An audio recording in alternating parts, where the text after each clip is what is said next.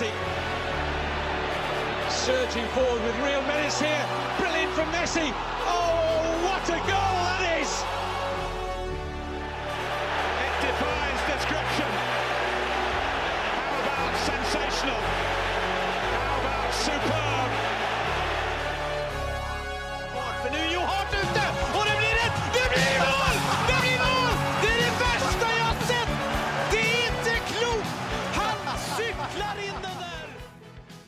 Ja!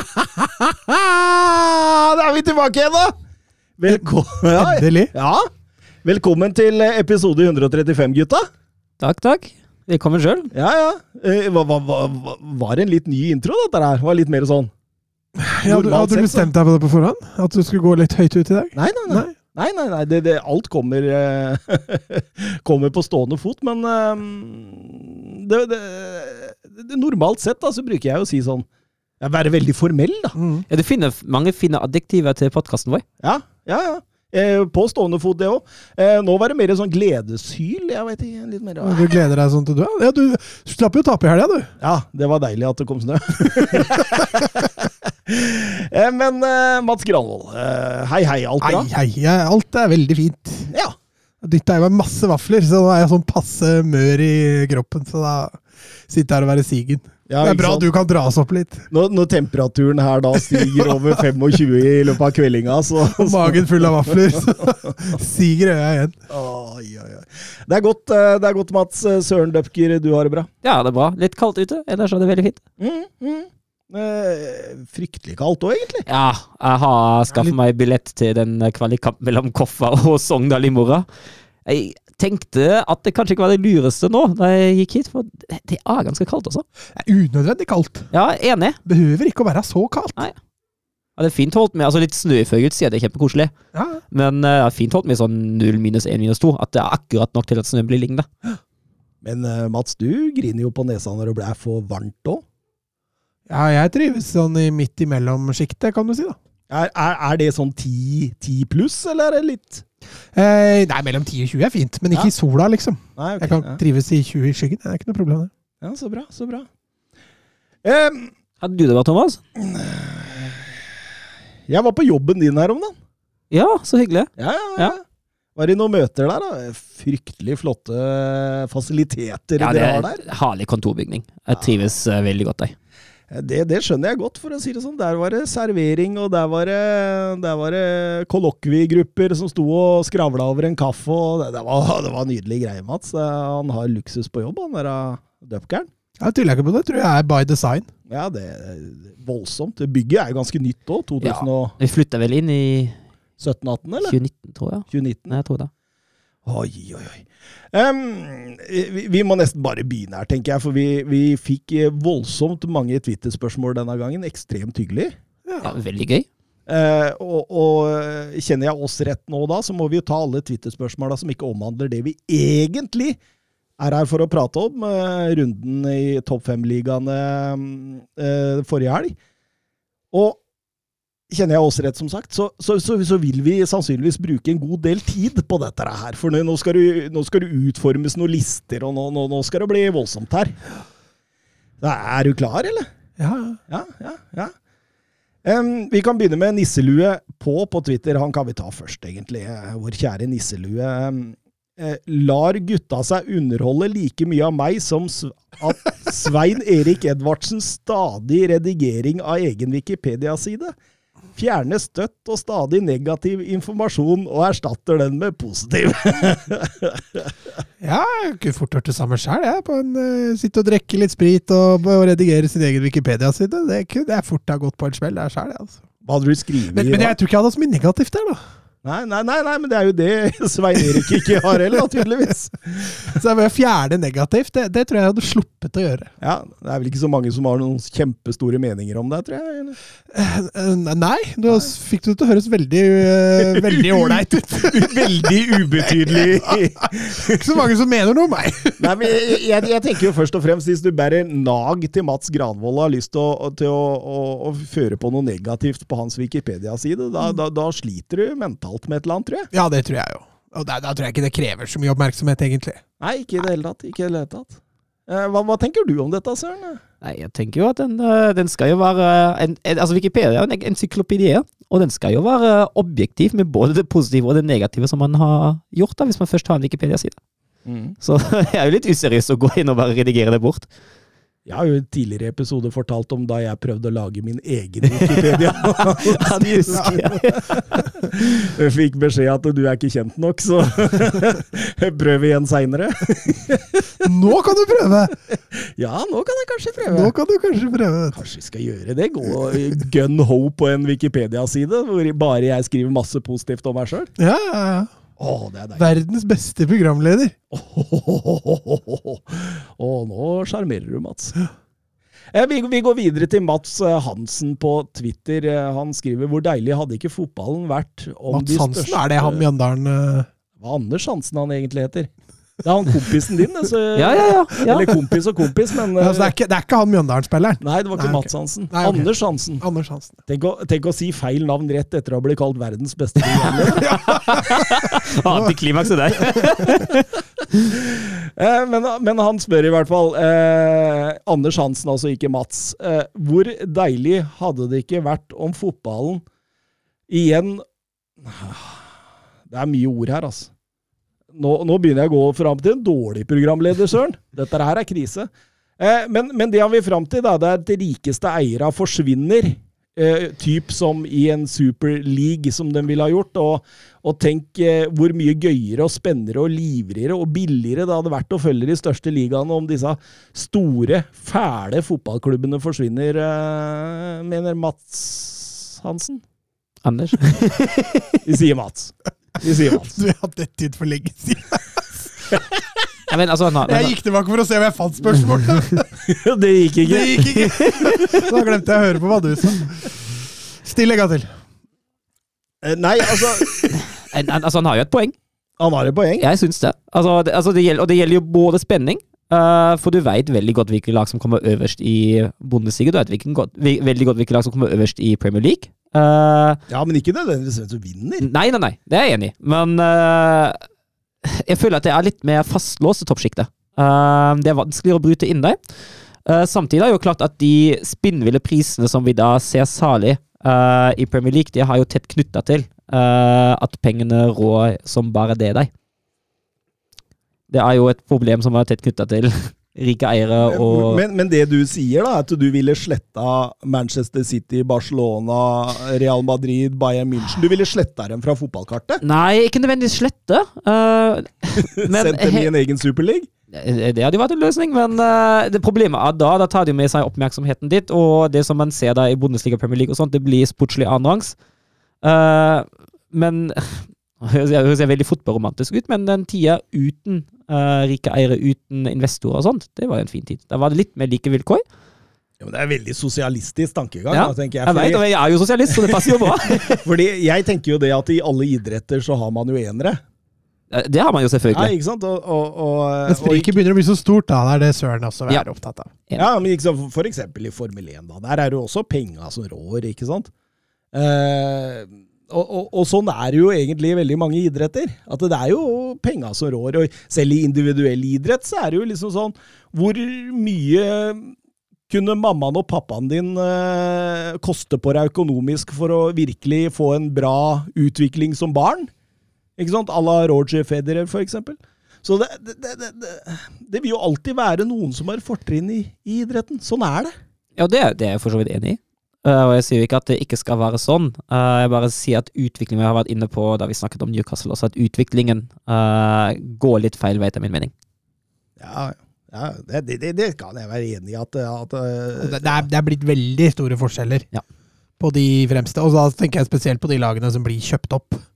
Altså, Én ting er klubber som faktisk kommer dit ved sponsorer og sånne ting, men når det kommer inn en eller annen Visit uh, Arabia-type, så Mm. Ja. Mm.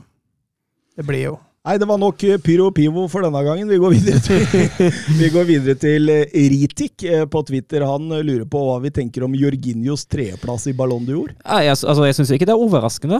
Vi, vi blir jo spurt for husker ikke, en del episoder siden, hva vi tenker om uh, topp tre. Og jeg nevnte vel akkurat de topp tre som favorittene som endte opp som topp tre år. Uh, om det da er rettferdiggjort med tanke på prestasjoner på banen, det er jo en annen sak, men uh, Ballon d'Or er da nå sånn at hvis du har vunnet titler, og i Jorginhos tilfelle to store titler med både klubb og landslag, da havner du høyt oppe på lista. Mm. Jeg, jeg, leste meg opp på disse kriteriene, da. Eh, kriterium nummer én individuelle og kollektive prestasjoner gjennom året. Kollektive prestasjoner, altså titler, ikke sant? Eh, nummer to spillerens ferdigheter og fair play. Det blir også dratt inn i dette. Og, og nummer tre en vurdering av spillerens totale karriere.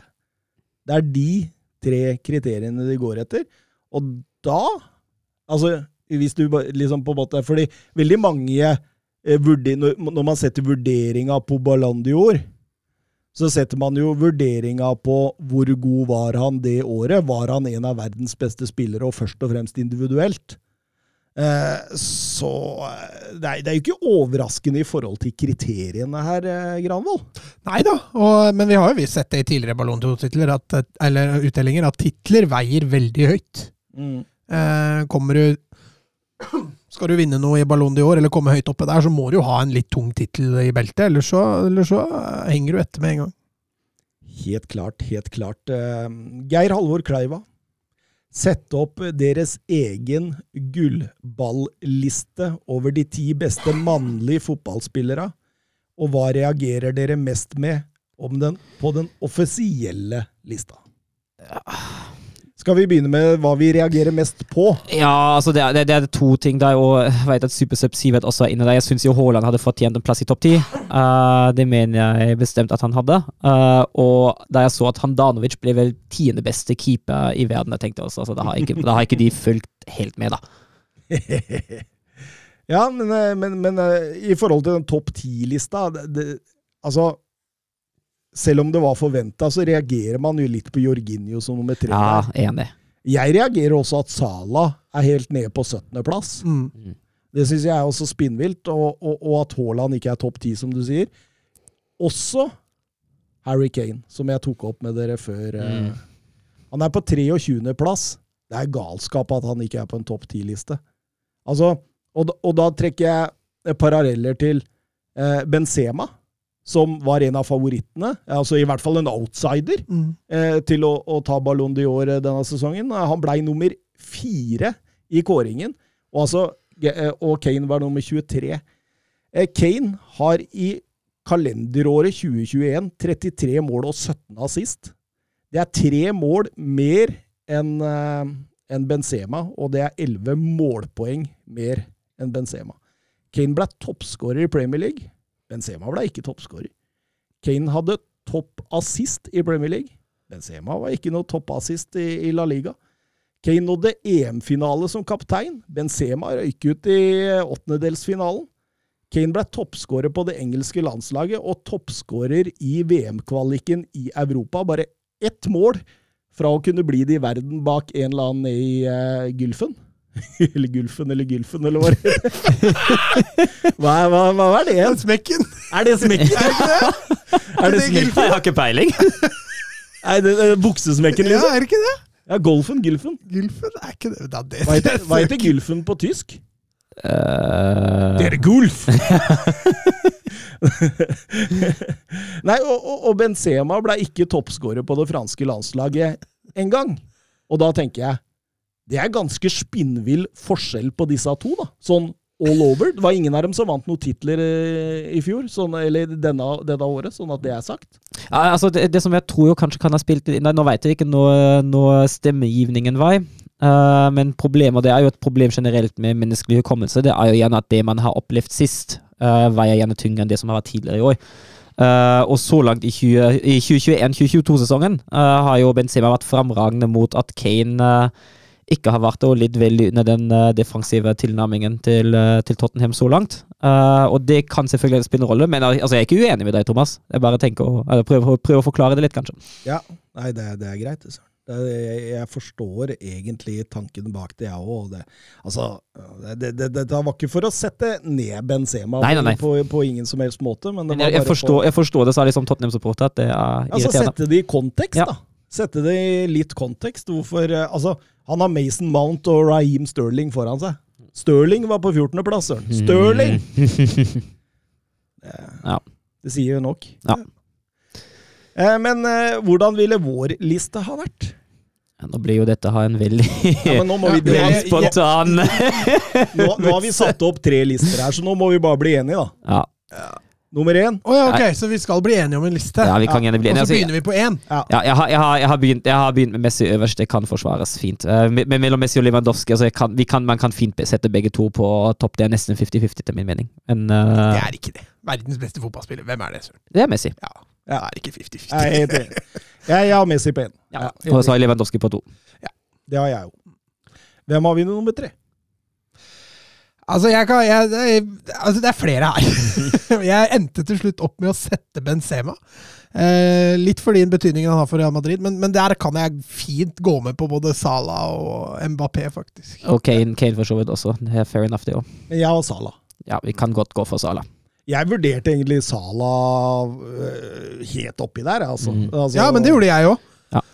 Jeg Salah sin betydning for Liverpool er vel ikke så veldig mye mindre enn Benzema sin for Real Madrid. Nei, jeg skjønner ikke helt hva en, han gjør på sjuendeplass. Det høres helt eh, vilt ut. Men eh, vi setter han på tre, da. Han var fornøyd med det. Er det Benzema neste, da? eller? Ja, jeg tenker det. Det er greit. Og så Kane? Ja. Nei, jeg har? Mbappé foran Kane, men det, er små forskjeller der. Mm. Ja, jeg har Mbappé etter der, så da Ja, vi kan godt gjøre Thomas glad å ta Kane foran Mbappé. Da blir det Kane, Mbappé og Erling Braut Haaland, eller? Hvor, hvor langt hvor lang er vi nå? Sjuende på Ja, det er helt greit. Mm. Jeg har det brødene, jeg, da, men det Haaland er greit. Kan ha litt Kan ha kan De litt- på, kan ha De brune på åtte. Han har ikke vært så fremragende i 2021. Nei jeg, Han hadde en bra år, Ja, enig. og han hadde et eh, Ja, han sleit med skader i Ja, det gjorde jo Haaland òg, for all del. Ja, Men jeg, jeg tar gjerne det brønne på åttende, jeg òg. Ja. Så har jeg lyst til å ta inn en som ikke har nominert på ni, og det er Joshua Kimmich. Jeg syns han har vært strålende. Ja, jeg har Kanté der. Ja, jeg har Kanté på ti, jeg.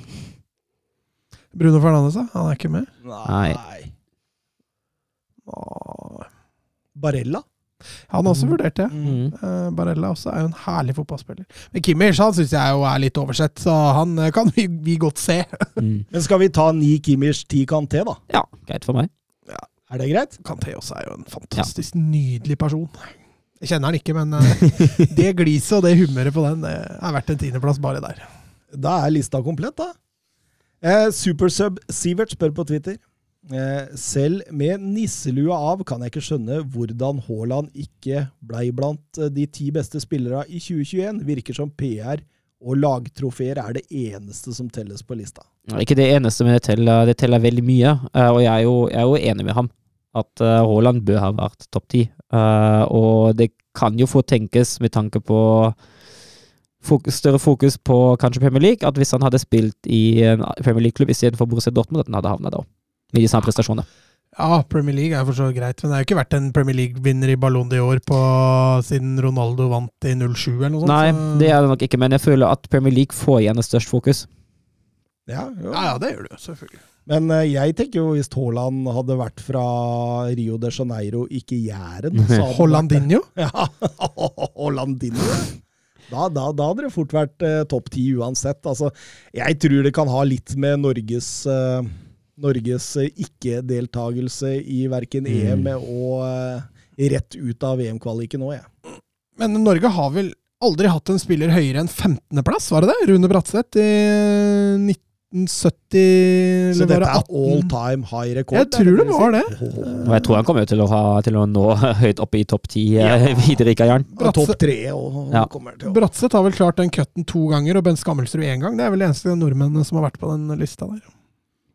Såpass, ja. ja. Bent Skammelsrud, faktisk. Ja, han havna på nummer 30 eller noe sånt, altså han var jo helt i bånn, men For det! Jeg tror jeg var vært enda lenger unna, faktisk. Eh, Nisselue på igjen. Eh, jeg blei slaktet for å mene at det var urealistisk å tro at Haaland kunne vinne gullballen. Var jeg helt på jordet? Han spilte ikke EM. Lagene hans mislykkes både i Champions League og VM-kvaliken. I tillegg var han skadet i viktige kamper i høst. Ja, jeg er jo enig, og hvis man ser på hele 2021, er han Bundesligas nest beste spiss. eh, og at han da skal havne foran Bundesligas beste spiss i seg sjøl, er jo urealistisk. Jeg, jeg er helt enig med ham. Helt enig med begrunnelsen og helt enig med utsagnet. Mm, mm. Hvem, hvem er det som har hevda det, Søren? At eh, Haaland burde vinne gull? Nei, ikke burde vinne. Eh, Jeg tror det var ingen som burde vinne, eh, som har sagt det. Men det blir vel hevda at han hadde god sjanse av Sunde, vi kan, Eivind vi kan si Biskå Sunde. Sunde. Han sa at han hadde ikke blitt overraska Ja. hvis Haaland vant. Ja, men det er ikke hevda at han mener at han nei, bør vinne. Nei, nei, nei, riktig. Nei. Og det Men jeg hadde blitt superoverraska ja, hvis Haaland vant. Altså, da hadde jeg ikke kunnet fatte noen ting. Men det kan godt hende at eh, Haaland har vunnet en del gullballer allerede oppi Sundes hode, da. Ja. Det er han nok. Det kan godt hende. Ja. At han har våkna og drømt at fader, det er tredje Haaland sin gullball. Dette. Det, det er ikke umulig, det. Nei. Det er ikke umulig, det. det altså, Jeg tror ikke Haaland har en større fanboy der ute, i hvert fall. Det Nei, det tror ikke jeg heller. Og vi kan jo komme litt tilbake til det når vi ser på Men- Når vi går innom uh, Wolfsburg-Dortmund. Men hvis Viaplay hadde delt ut den gullballen Da hadde jo Haaland, eh, Haaland fått 50 allerede. Ja, jeg tror Haaland En jeg tror for Haaland hvert hadde mål! tapetsert den eh, pallen, i hvert fall. Haaland ble 1, 2 Ja, og 3. han hadde stått der som både 1, 2 og 3. Eh, vi går over til Premier League.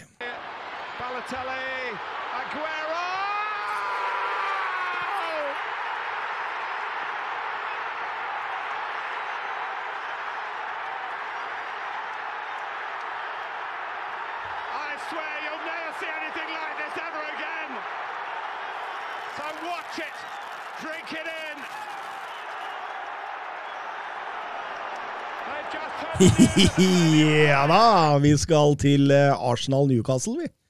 Arsenal-Newcastle og Martin Ødegaard fra start for Arsenal for første gang siden 18. oktober. Eh, Lacassette nok på benk. Han får liksom aldri kontinuerlig tillit, han. Nei, og jeg synes jo det var altså, det, Jeg stusser litt over det i, i lagoppstillingen, med tanke på hvordan Arsenal endte litt opp å spille. Uh, var det jo kanskje forståelig, uh, særlig i første omgang, men jeg syns jo Ødegaard spilte en dårlig kamp. Han kom seg jo inn i mellomrommet gang på gang og støt inn der, men ekstremt mange enkle balltap der. Mm. uh, syns det var fryktelig, for han ødela egentlig en god del uh, positive situasjoner som han riktignok sjøl har skapt, delvis ved gode bevegelser, men det han gjorde med ballen i første omgang, jeg syns jeg ikke var bra.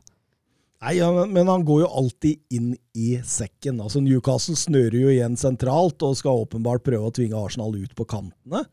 Uh, og, og, og Ødegaard går alltid inn i sekken og er veldig ofte markert i, i eh, oppspillfasen hvis ikke han setter opp angrepa.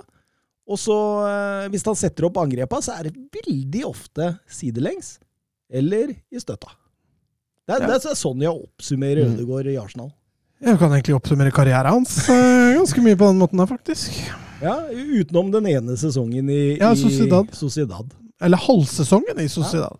Da var den helt enorm, husker jeg. Ja, den høstsesongen i Sociedad, det var eh, topp topp eh, nivå av Ødegaard. Så var vel det andre året han hadde i Nederland også ganske bra, men uh, nå skal jeg ikke skryte på meg å ha sett veldig mye av dem. Nei, det kan ikke jeg skryte på meg heller. Men, men eh, Arsenal får jo ikke utnytta spesielt disse romma i tidlig kampen. Nei, men det, altså, det er jo litt sånn Arsenal som vi har vært inne på før. Uh, en kompis viste meg en uh, Arsenal-analyse av uh, første kamp for sesongen eh, for eh, noen uker siden, og da snakket de om the donut of setnes. eh, med tanke på det utpåkant, og det syns jeg egentlig er en veldig treffende betegnelse. for Og det som vi så i første omgang mot eh, Newcastle, det var the donut of setnes igjen. Uh, ut på kant, og så slås ballen bort. Det er dårlig tilstedeværelse i boksen, det er lite presisjon når ballen kommer inn i boksen. Og det er det som vi har kritisert mange ganger ved Arsenals angrepsspill.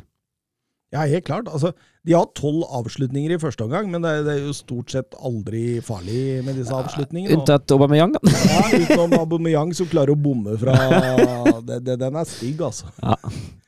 Jeg trekker fram Ramsdale sin redning oh. der på John Joe Shelbys skudd. Den er, den er vill. Hva er det, Ja, er det. Ramsdale er lagd av for tida, Mats? Nå, altså, det er jo et sånn jækla kul fra Fifa. Når Ramsdale må gjøre redninger, så er det så spektakulært hele tida. Så er det sånn Fifa på Fifa 22, hvor han bare kaster seg opp 40 meter i lufta og kaster ballen. Det var sånn skikkelig glitch. Ja, jeg tenkte det, ja, det er litt sånn Ramsdale er. Men det er, han har, denne sesongen har vært eh, Han er spinnvill. Ja, Han er jo en levende vegg, rett og slett.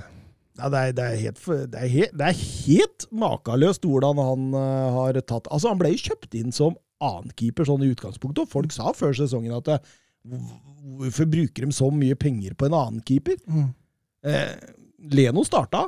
Mm. Eh, ble tatt fra den plassen etter hvert, og, og, og Ramsdale har jo ikke sett seg tilbake. Dette er Nei, nå tror jeg veien er lang for Bent Leno inn igjen i det laget der òg. Bent Leno. Bernt Leno inn igjen på det laget der òg, for det Ramsdale har gjort nå siste, det Og det var vel du som sa det sist med, med Chris Wilder, at hadde han spilt sånn, så hadde jo ikke Sheffield United rykka ned, og det er jeg enig i. Dytter du han inn i Norwich nå, så rykker ikke Norwich ned heller. Nei, for det, det, det der er spinnvilt, og, og det, det, det kan jo ikke være langt unna at han tar over Pickford sin jobb på engelske landslaget helt. Ja, i hvert fall tjent, i hvert fall. Med tanke på prestasjoner så langt. Veien inn der er, bør jo heller ikke være sånn superlang. Mm. Men det er ti minutter, da. Ti minutter hvor Arsenal avgjør i annen omgang. Uh, Riktignok via fine angrep, da. Begge mål var, var bra spilt. eh, Gode bevegelser da. Uh, 1-0 ved Saka, og særlig 2-0-målet. Det, det var jo en perle. ja, det var to fine mål. Det er Saka sitt etter 17 trekk. Uh, Tommy også sin uh, assist der hva? Ja. Og ikke minst da Bartinelli sin helvollers avslutning. et smykke av en scoring, faktisk. Så, og og da, da gjør du egentlig det du kom til eh, Emirates for å gjøre, da. Ta tre poeng. Ja da, og How-effekten den eh, lar vente på seg.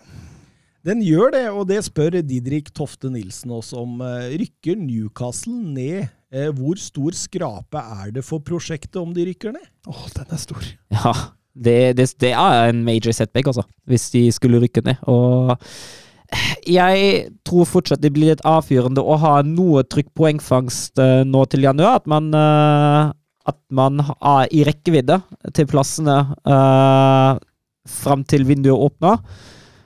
Og så tror jeg kanskje at de klarer å forsterke laget såpass at de til slutt berger plassen. Hvis ikke de skulle gå på tap og tap og tap nå, da. Altså, det ble meldt fra studio på TV 2 der at det var stygge muligheter for at Newcastle rykka ned. rykka ned. Ja. Det har jeg ikke tro på ennå.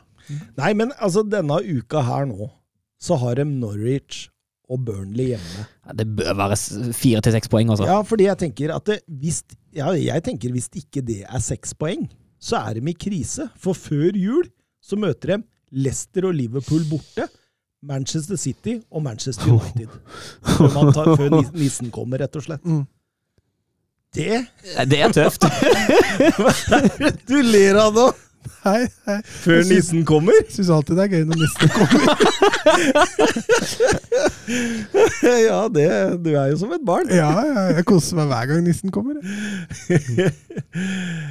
Men eh, for, forventa, forventa mm, Arsenal-seier, for så vidt, og, og Newcastle dem går en viktig uke i møte. Altså. Det, det, det, det må man bare si, altså, fordi Nei, jeg syns jo det er fremgang nå, da, og spesielt offensivt. Det er klart, tre baklengs mot Brentford var vel kanskje en eh, ripe i lakken, men uh, offensivt altså, de, de kunne fint ha skåra burde, burde kanskje ha skåra mot Arsenal, både ett og to. Og, og Brentford, når du skårer tre mål på hjemmebane, så skal jo det være tre poeng. Ja. Nesten uansett hvem du møter. Så jeg ser helt klart fremgang, og, og seier hjemme mot Norwich. Nå er Norwich også litt på oppadgående kurve. Eh, men uh, jeg tror Newcastle, som Søren sier, jeg tror det blir fire eller seks poeng i de to kampene. Vi får håpe det for Newcastle. Premier League trenger Newcastle, faktisk. Eh, De gjør det. I hvert fall i, i forhold til Jeg trenger verden, da. Nei, kanskje ikke verden. Men, men altså, laget Newcastle og alt det bringer med seg, navnet Newcastle, det trenger man der. Det er en Premier League-klubb. Det er det. Eh, Vi går over til Anfield, eh, hvor Liverpool eh, tok imot Southampton. Og det var Diogo Yota-show, det, fra første stund av. Det var ord som jeg aldri trodde du skulle si, Thomas. Jeg har ikke gått ett og et halvt år ennå, vet du. Men ja, det var Altså, altså Guardiola sa en gang Man kommer ikke til Anfield og byr på en åpen fotballkamp. Det er akkurat det, ja. Det gjorde. Hasenhut. ja men det er, det er jo litt Men Hasenutl byr til eh, Ja. byr til åpen kamp hver gang. det er, akkurat det, det er jo, det er jo typisk Southampton under Hasenhutl den men enten så lykkes de jo. Jeg husker i fjor Ja. Hasenutl satt på knær og gråt etter å ha slått var det Liverpool, mm.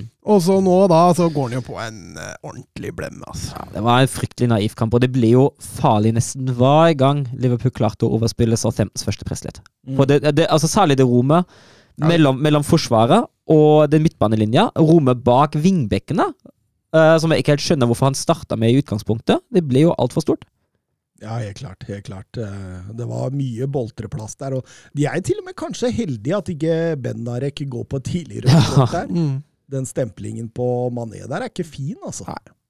Så, men, men Yota setter både 1-0 og, og 2-0 der. eh, 2-0-skåringen da med Salas assist var hans 25. målpoeng i alle turneringer denne sesongen. Ja, det er sterkt. Det det det er ganske heftig. vi, har, vi, er, vi har ikke kommet til desember ennå.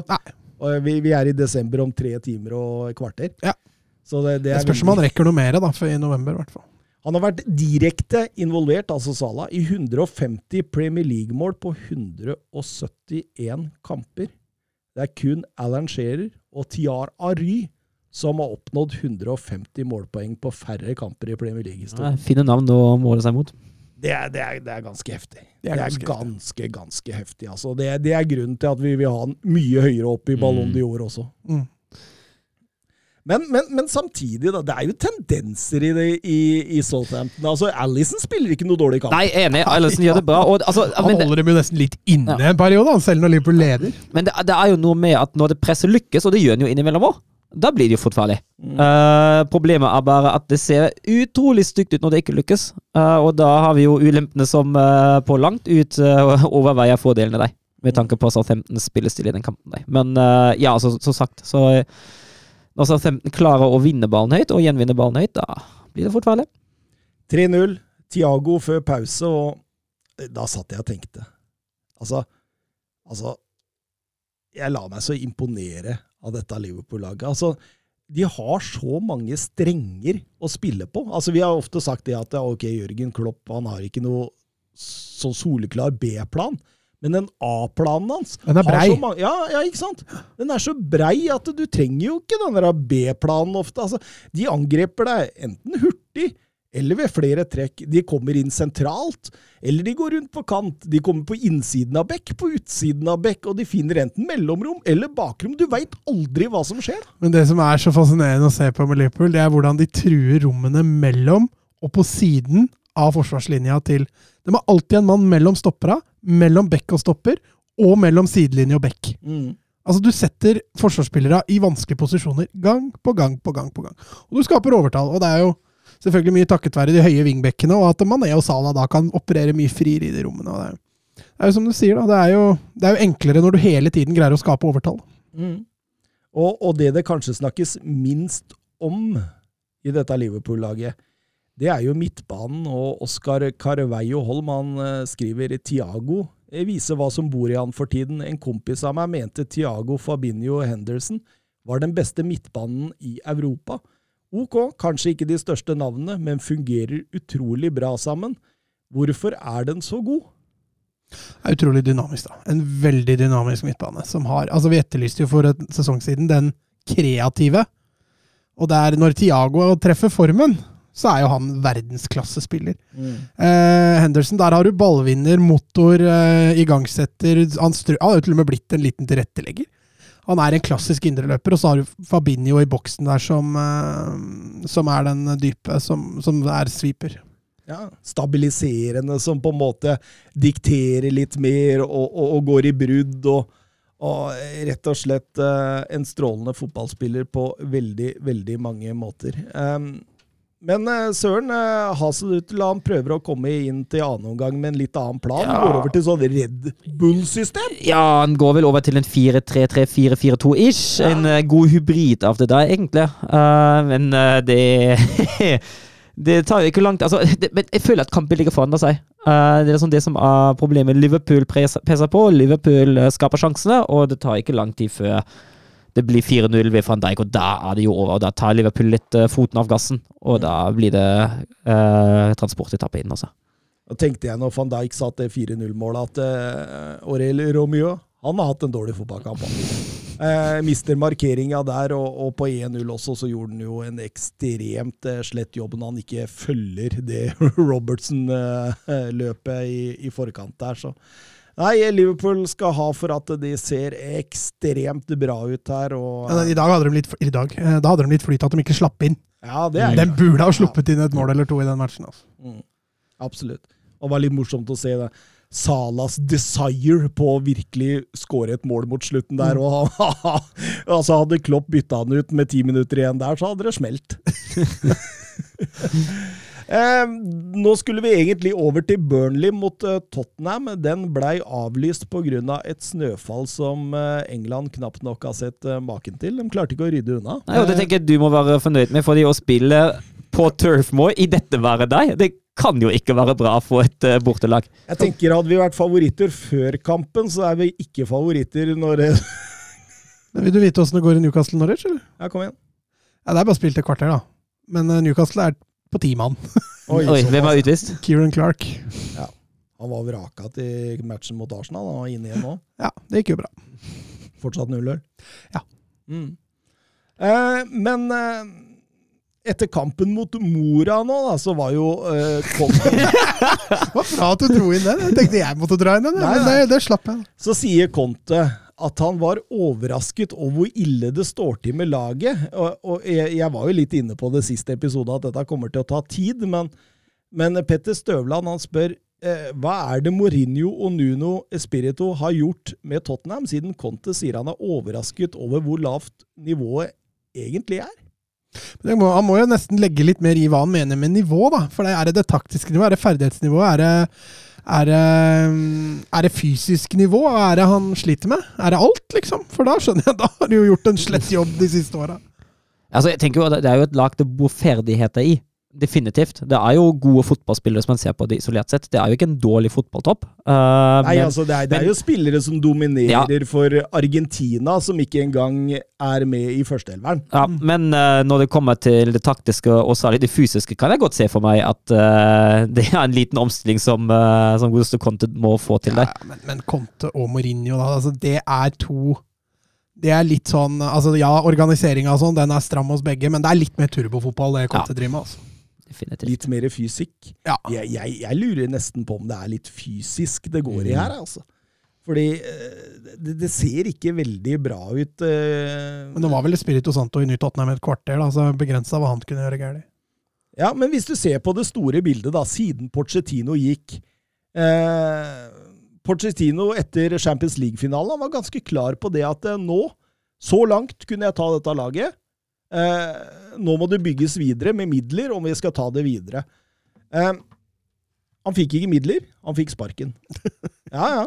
Eh, Mourinho kommer inn, får midler, og det må tilvelge seg en ny spillestil. En helt ny spillestil. ikke sant? Man går fra en sånn spillende possession-orientert fotball til en mer sånn balansert kontringsfotball, som Mourinho sto for. Eh, og det gikk bra en stund. Så fikk han sparken. Inn med Ryan Mason, så prøver vi liksom bare å dra sesongen i, Ja. i, i land. Og så kommer Nuno inn med ganske lik tilnærming som Mourinho. Eh, og så, og så liksom Altså, det, det, det blir det samme, da. Og det har gått i den samme tralten i, i noen år nå.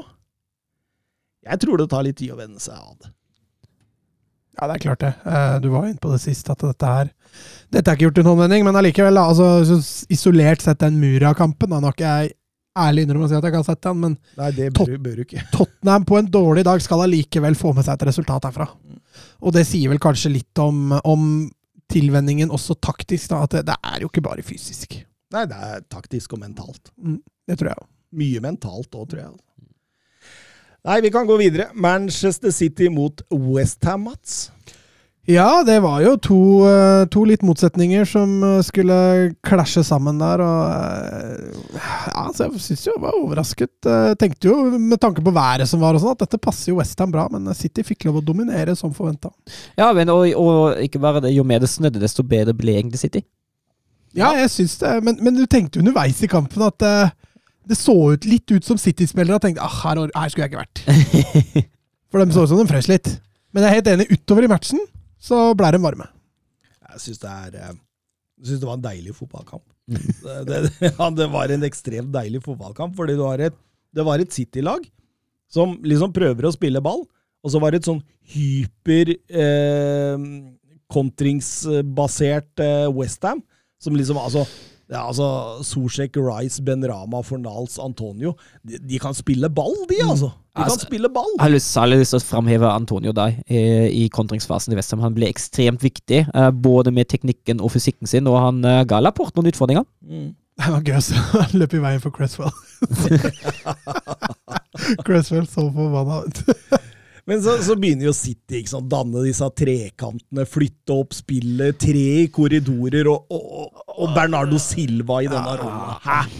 Ja, det er nydelig. Ja, nå, nå, nå begynner han å, å skinne her, altså. Ja, og så får du liksom en annen type i Gundogan på motsatt, som er mer som boksspiller.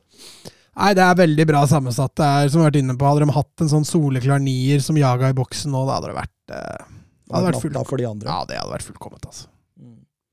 Men det er klart, de tjener også litt på dette falske nier-opplegget. Det er klart, Nå opererte vel Jesus som en litt mer nier i den kampen her, men eh, de tjener jo også litt på det, for de greier jo å skape overtall i mellomrommet gang på gang, nettopp med hjelp av denne falske nieren. Så, så du får litt, og du mister litt, men eh, jeg så vel City er vel bare det laget som har skåret fjerde mest mål eller noe sånt i Premier League. De, de er ikke der hvor de vinner 5 og 6-0 i kamper lenger. da. Tenk om, og så er det, så er det rykte, og snakket faktisk med en kompis om det for, for noen uker siden, tenk om Benzema hadde spilt for City. Mm.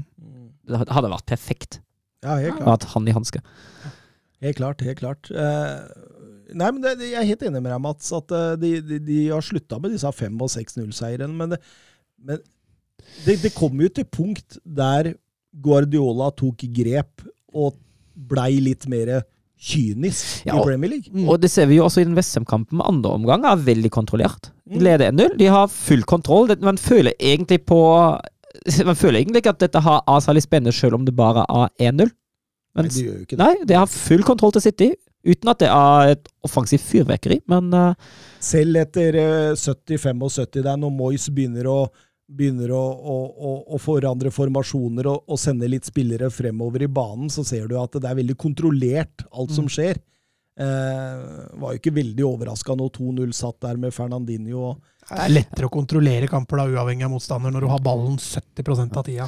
93 hadde de mot Ja. slutten av det, det det, er det, helt sykt. det er spinnvilt. Det er spinnvilt. 93 Og så er det kraftsperre da. Bruker mye mindre krefter når du har bare den når du jager. Jeg kan jo også framheve den pasningen til Cancelo igjen. Den vendinga før 1-0. Altså, det, det han slår av eh, presise pasninger over mange mange meter, det er helt innholdt om dagen. Altså. Men det Cancelo driver med for tida, det er eh, egen idrett, altså, på Ja, han er jo en venstreback playmaker. Jeg vet ikke, Mm. Fins det nå? Jeg tror han fant opp den nå. faktisk. Ja, det er helt uh, fantastisk Han er en spillfyrer på venstreback. Ja, enormt, altså. Vi kan skryte litt om trøstemålet til Lanzini òg. Ja, fint den. Han har en sånn tendens til å komme inn og sette kremmer i hus. Tenker du på Tottenham-kampen? Ja, ja. Hadde den friske minnet fra i fjor. Ja, det var jo et parentese parentes egentlig, sånn for kampen sin del, men eh, for all del, han drar vel med seg nok selvtillit fra, fra det målet der. Ja, og da viste City at uh, Westham de, de håndterer vi. Ja. Og så, så går de videre mot neste match. Uh, ser veldig bra ut, disse også, sammen med Liverpool. Og, og nå skal vi over til hovedkampen vår, og der var det det tredje laget vi har liksom tippa opp i topp tre, som eh, tok imot Manchester United. Som er det fjerde laget vi har tippa topp fire. ja. Og, og det er jeg mer skeptisk til. Mhm. Det begynner å slå sprekker. Det, det, det, det gjør det. Men Chelsea, store favoritter, eh, vil jeg si, i det 190. oppgjørene mellom lagene. Første oppgjøret skjedde 25.12.1905 og endte 0-0. Manchester United har et historisk overtak med 81 seire mot Chelseas 55. I nyere tid derimot eh, så er det mye mer jevnt. Da er det 11 Chelsea-seire og 12 til Manchester United på de siste 32 kampene.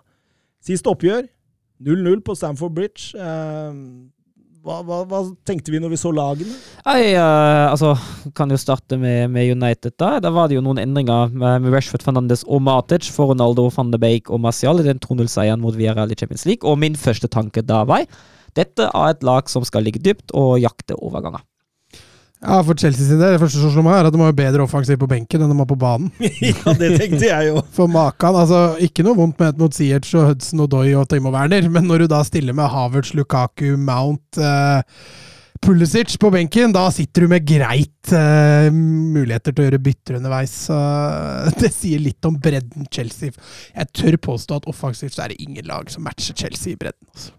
Men blei vi litt overraska over at Ronaldo satt på benken fra start? Ja, min, min første tanke var at dette var Ragnvik. At det, det er noe som, eh, som eh, Nå som Ralf Ragnhild var såpass nær, nå er han vel blitt offisiell eh, i dag, tipp, nå husk, mener jeg å huske. Ja, Eh, Raffegutt er, er Ja. klar for i dag. men eh, da, da tenkte jeg ok, da har Ragnhild allerede tatt innflytelse. Eh, det litt, jeg forventer egentlig at Ronaldo skal sitte litt mer på benken eh, under Ralf Ragnhild. Han passer jo ikke inn i, eh, i det høye press- og gegenpresspilling til Ragnhild. Vi får et lite spørsmål om Men, det men tror du ikke. Ronaldo klarer å tilpasse seg litt heller? Nei, jeg tror ikke det. Vi får et spørsmål om det seinere, ah, ja, så vi kan gå over til kampen. Ok. Eh, Chelsea-kjør fra start. Ja, eh, fullstendig overlegen og har jo eh, to en, en, Kjører fra start. en, Kjørte de ikke hele matchen, da? Jo, de gjorde det. Har jo en, en brukbar og en kjempegod mulighet eh, første fem minutter nå. Absolutt, og, og Manchester United sliter jo voldsomt i, i frispillingsfasen og dette press, med dette presspillet til Chelsea. Ja, det, det, altså, Chelsea har en vanvittig evne altså, til å skape overtall i det høye presset. Det er, det er vanvittig, og de flytter beina. og Det går jo selvfølgelig fryktelig seint med United-spillere, men eh, de, de er helt sjanseløse. Og det høye presset til United det er jo minst like katastrofe. Dette har jeg snakka om før. altså De sender fram tre mann i det høye presset. Ja, altså, altså, er jo, altså Chelsea er jo fantastisk gode til å sette opp pressfeller på kant. Det stopper jo opp for United der hele tida. Tvinger dem ut på kant, og så er det overtall og hygge til deg. Når det gjelder United, er jo hovedutfordringa, som du sier, de tre fram, og så står man så smalt uh, med McTomney og Fred at bekkene havner i én mot to hele tida mot uh, Chelseas uh, vingbekker og de to offensive der. Og det ble trøblete for United i en periode. Det eneste som, eh, som manglet fra Chelseas side, var jo den tilstedeværelsen, de gode bevegelsene inn i boksen. Ja, absolutt. Så, Så, når jeg så det høye presset til United, tenkte jeg vet du, det her tror jeg faktisk Lillestrøm hadde greid å spille. Ja, men det, altså Tidvis var det så dårlig. Ja, du mener det? Ja, altså Avstandene var jo fryktelig store. Altså, de sendte jo fram Bruno, Marcus Rashford og, og Jaden Sancho. Og så var det store avstander ned. Kanskje Fred kom opp innimellom. De gangene de sendte fram nok folk og greide å stenge så slo jo bare Chelsea langt. Og, og, og det morsomme med det også, det var jo det at eh, Aron Van Bissaka lå jo konstant fem meter unna bekken sin i det høye presset òg, så Han gikk jo konstant fem meter unna, da. Generelt. Posisjoneringa til Van Bissaka i den kampen er jo i alle faser helt katastrofe. Altså, Van Bissaka det, altså, eh, det er nesten ingen som klager på han av Manchester United-supportere og sånn. Det, det må være en av tidenes mest på en måte, altså, eh, Han som har gått fri i Manchester United lengst. Mm. Fordi han gjør så mye rart, han. Men, men det du ser, den lille taklinga i siste sekund og sånn, som han er ganske god på, det, det, det, det blir han jo hylla for. Én mot én defensivt. Det er jo der han redder alt. Ja, ja. Hadde han vært svakere én mot én defensivt, så, så hadde han jo vært taktisk, posisjoneringsspillet, offensive Altså, alt er jo, er jo langt ifra et uh, Manchester United-nivå, Ja, han hvis du skal få kalle det det. Han minner meg litt om uh, Kevin Mbabo, bare uten det offensive. ja, ja, ja, helt klart. helt klart. Det, det, det, er, helt, eh, det er helt skandaløst, egentlig. og det er, nå, nå må flere begynne å våkne opp med han der, tror jeg. Altså, fordi ja, Nå har han fritt pass lenge. Ja, han har det. Men vi har jo tatt den lenge, da. Ja, Heldigvis, heldigvis. Så vi kan stå i det. Ja, vi kan stå i det. Eh, Men eh, etter hvert utover i omgangen da, så får jo Manchester United litt bedre kontroll, i hvert fall defensivt. Og hva, hva, hva er det de gjør da? Nei, altså det, det som hjelper jo litt, er å ha McTominay og Fred noe bredere eh, og dypere. At man hindrer de, de to mot én på kant hele tida. At det blir litt tettere mot, mot Chelseas kantspill hele veien. Ja, altså, Fred skal jo faktisk godkjennes i den kampen. her. Han, han slakter jeg ganske ofte, men i den kampen altså Han dekker vanvittig rom. Minner egentlig litt om, altså, om en Kanté, i det defensive i hvert fall. Um, og så har du McTominay. Så, så Fred og McTominay i den defensive indreløperrollen, hvis vi kan kalle det det, det, det fungerte bra i det etablerte forsvaret for United.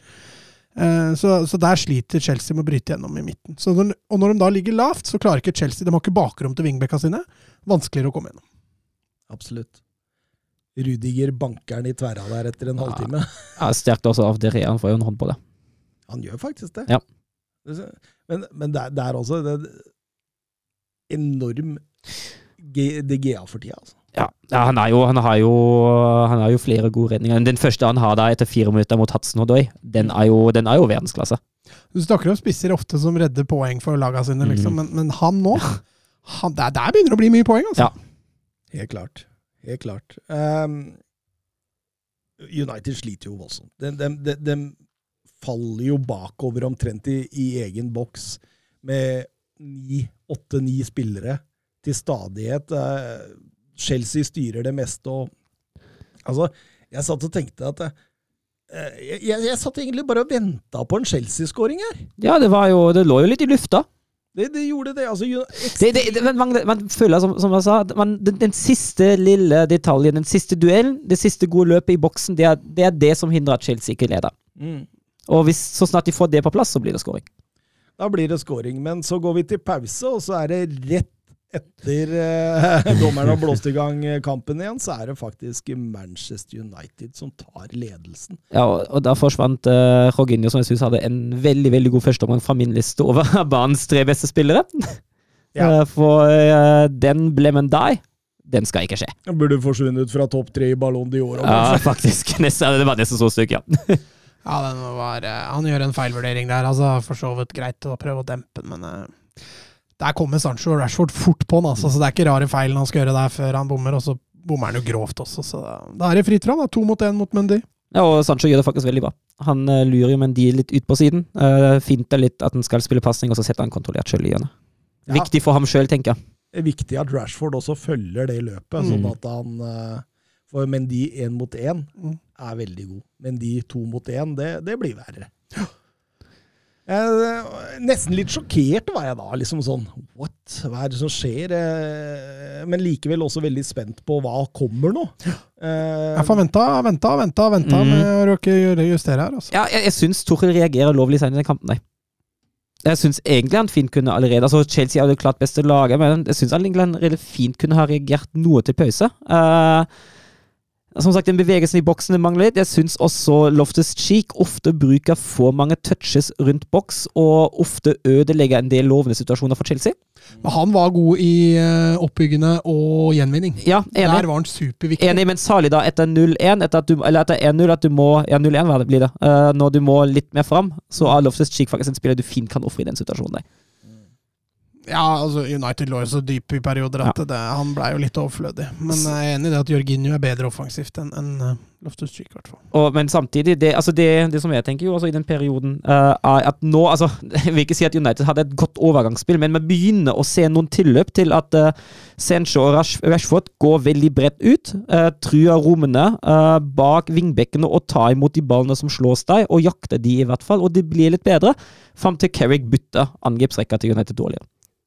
Ja, altså Hva tenker Carrick på der når han setter inn på Ronaldo for Jaden Sancho? Det har jeg prøvd å spille i hodet mitt opptil flere ganger i ettertid. Hva, hva tenkte han på? Ja, han turte vel ikke å ha Ronaldo lenger på benken, da?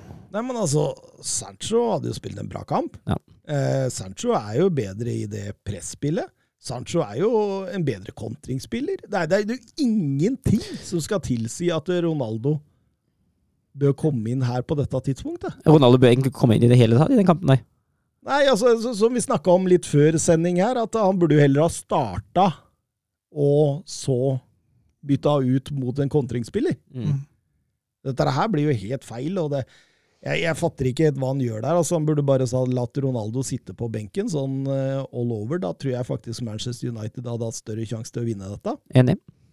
Eh, Chelsea gønner på. Eh, mange dødballer, mange frispark, korridorfrisparker, cornere, det, mange bra server, men, men det forsvarer seg godt inni der. altså Bailly og Lindeløf, Ja. de skal ha det! Ja. De så bedre ut enn Maguire og Maguire og Nei, ikke Varan. Varan, Nei, eh, han er Aran bra, skal men- ikke dra ned han, faktisk. Men jeg er helt enig. Maguire, eh, med Maguire bak der, så kunne det fort ha blitt, blitt styggere. Ja, og særlig da, når, når det begynner å komme i den perioden med, med mange dødballer og mange innlegg. Jeg, jeg tenker, hvor blir det av Lukaku? Hvor, hvor er Lukaku da? Hvorfor, hvor, altså, Timo Werner i den situasjonen der, med tanke på hvor dypt United ligger, nesten helt ubrukelig. Når er Werner brukelig? Ja? Jeg syns han bommer på alt. Jeg. Ja, han gjør jo det, men altså det, det, Han så, hadde en stor en her òg. Én av to! Ja. Men det, altså det, det han er jo god på, er jo de bevegelsene uten ball. Det er jo det han er men best han, på. da er han jo best i nesten et tospann, da. Ja, jeg Han skaper jo ikke rom for noen andre. Nei. Nei, og, og det han gjør med ballen i boksen, er jo helt katastrofe. Ja, Tenk deg hva som er som skjedd der. Men det er klart Chelsea har ødelagt noen spisser opp igjennom. Sjevsjenko han blei vel også Torres òg. Torres. Ja. Ja. Costa fikk vel sin, begynte sin nedtur i Chelsea. Gianluca Vialli. Ja. Ja, vi kan dra lenger òg. Adrian Mutu. Han, var Det dopa, han, dopa, han dopa seg vel før han kom til Chelsea, gjorde han ikke det? Mathea Kessmann. Husker du han? Ja, jeg husker han, Ja. Stemmer. stemmer. Um, men så får Chelsea straffespark. Ja, og så må jeg Altså, det er jo en Bissaka som uh, sparker ned Silva. Silva kommer foran, uh, foran på ballen, og Van Bissaka vil, uh, vil klarere å, å sparke ned. Nå må jeg flire litt av Semp, som da annonserer skal det endelig være slik at De Rea redder et straffespark. Jeg lurer på om han har fulgt med forrige helg. ja, det, det blei jo noen etter hvert der på DGA, men uh, Jorginho han hopper ned i mål, han. Ja da. Han gjør same procedure as uh, all the time. Jorginhos 15. eh, Premier League-straffe skåra på 13 og hoppa på 11, kan vi si det sånn? og, og, og, Chelsea fortsetter stormløpet, og det blir naturlig nok en, en, del av det. Da Nå tenker Manchester United at nå må vi i hvert fall forsvare oss til ett poeng.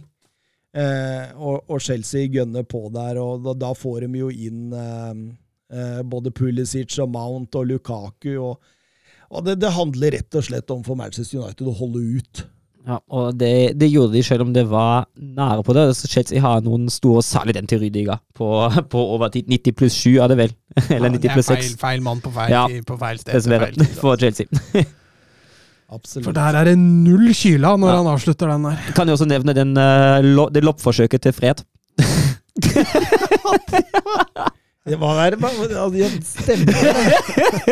Det var der jeg tenkte at uh, godt Fred er så ålreit at han sender den tilbake til han. Ja, det er, altså, det er fair play. Ja. Men altså, må de med ballen i den kampen altså, har to stygge feilpasninger i den kampen. Jeg er veldig uvant til å se av den. Har ikke jeg meldt, okay, meldt dette? Nei, du har meldt avgjørende, du har meldt kampavgjørende tabber. Den venter jeg fortsatt på.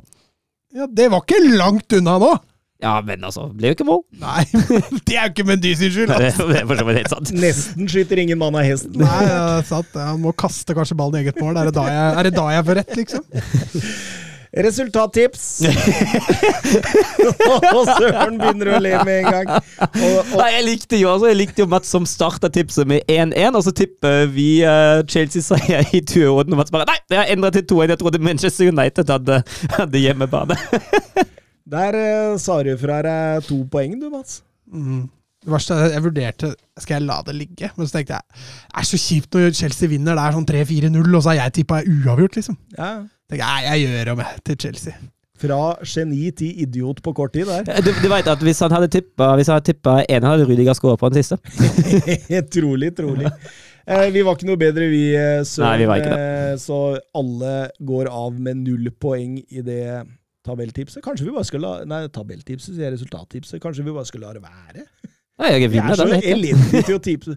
Eller, eller, så kan vi be lytterne våre tippe det motsatte av hva vi gjør. Ja, det går an. Det går an, Mats. Tippe det motsatte? Hva mener du? Ja, Vise podsen og at vi, ja, men vi legger jo ikke ut resultatet. Vi vi må begynne med det. Vi må begynne med det. Med det ja. Ja. For det gjorde vi en periode. Ja, Vi skal begynne med det igjen, tenker jeg. Det er hyggelig, det. Det er morsomt. Ja, det Vi får se. Vi får se. Pålegge oss mer arbeid, det. det eh, banens beste, Mats. Mats banens beste? Oi, oi, oi, det var lenge siden! Eh, nei, veit du hva? Jeg måtte gå litt i meg sjøl. Jeg har satt eh, Fred på tre poeng. Jeg syns han redder mye for United i den matchen her. Offensivt, selvfølgelig, helt naken, men defensivt. Dekker store rom, eh, vinner viktige baller og er ofte i veien for, eh, for Chelsea-spillere. Så han, eh, han får mine, mine, tre poeng. Jeg gir to poeng til Jorginho. Hørte Søren melte den av med en gang, men med unntak av den tabba, så gjør Jorginho en strålende match. Og så ett poeng. Altså, av prinsipp så gir jeg ikke til Rudiger, så det blir Tiago Silva. Jeg gir tre til Tiago Silva. Jeg syns han er banens gigant. Han, uh, han, slår ekstremt gode, presise pasninger. Han uh, står ryddig som et fjell bak deg. Jeg syns, syns, nesten ikke det kan, det kan spilles bedre. og så Det var ingen av de offensive hos Chelsea som, uh, som framsto særlig, så da, da, blir det Rydiga. Jeg gir to til uh, Bailly. Jeg syns han har vært en bedre av de to midtstoppene. Jeg syns Lindeløf starta shaky. Jeg syns Bailly har vært uh, suveren nesten hele kampen, og jeg gir én til David Tichea. Jeg har uh, tre til Tiago Silva. Uh, enig, du oppsummerer bra, Søren. Jeg har to til David Gea. Manchester United, om du sier at Fred var var avgjørende, så var det i hvert fall David De Gea det. Uten han uh, hadde de hatt en helt uh, middels keeper der, eller en uh, såkalt ja, ja men, men, la oss si en type Pickford, en type en type Sanchez i Brighton, en sånn en, så hadde det rent inn et par-tre til. Det, jeg syns uh, De Gea Jeg er uh, stor beundrer av den fotballen han spiller for tida. Uh, Ett poeng uh, går til Fred. I de siste to kampene for Chelsea på Stamford Bridge har de avsluttet 49 ganger på mål, og de har fått åtte imot seg. De har hatt 100 touch inni motstanderen sin boks, og begge kampene har hatt 1-1-1. Ja. ja. Ja. Burnley og nå Manchester United. Ja, Du hinter litt om hvor skoen trykker? Ja, det, det, det er jo det å få denne ballen i mål. Ja, så det er jo spissplassen som var litt aber i fjor. Eh, 72 forskjellige målskårere, og ingen passerte fem mål, eller hvor mye det var. Så det var jo Det er jo mange der som må bidra for å, for å løfte dette skipet her. Eh, og det ser man kanskje litt skoen trykke også mot United, i hvert fall. Det må et straffespark til for å skåre. Blitt spennende å se forfatningen på Lukaku nå. Han starta bra, og så var det en nedoverkurve før skaden. Blir spennende å se hva han har å bidra med når han kommer tilbake nå. Det, det er særs viktig for eh, Chelsea å få Inter-Lukaku, og ikke Manchester United-Lukaku nå. Mm. Det, det, det, er ekstremt viktig. Eh, nye tider nå. Ralf Ragnhild inn. eh, i uh, trenerstolen ut sesongen, og skal vel gå over til en sportsdirektørrolle etter, ja, etter hva jeg hører. Og det er, jo, det er jo en ekstremt smart ansettelse av United.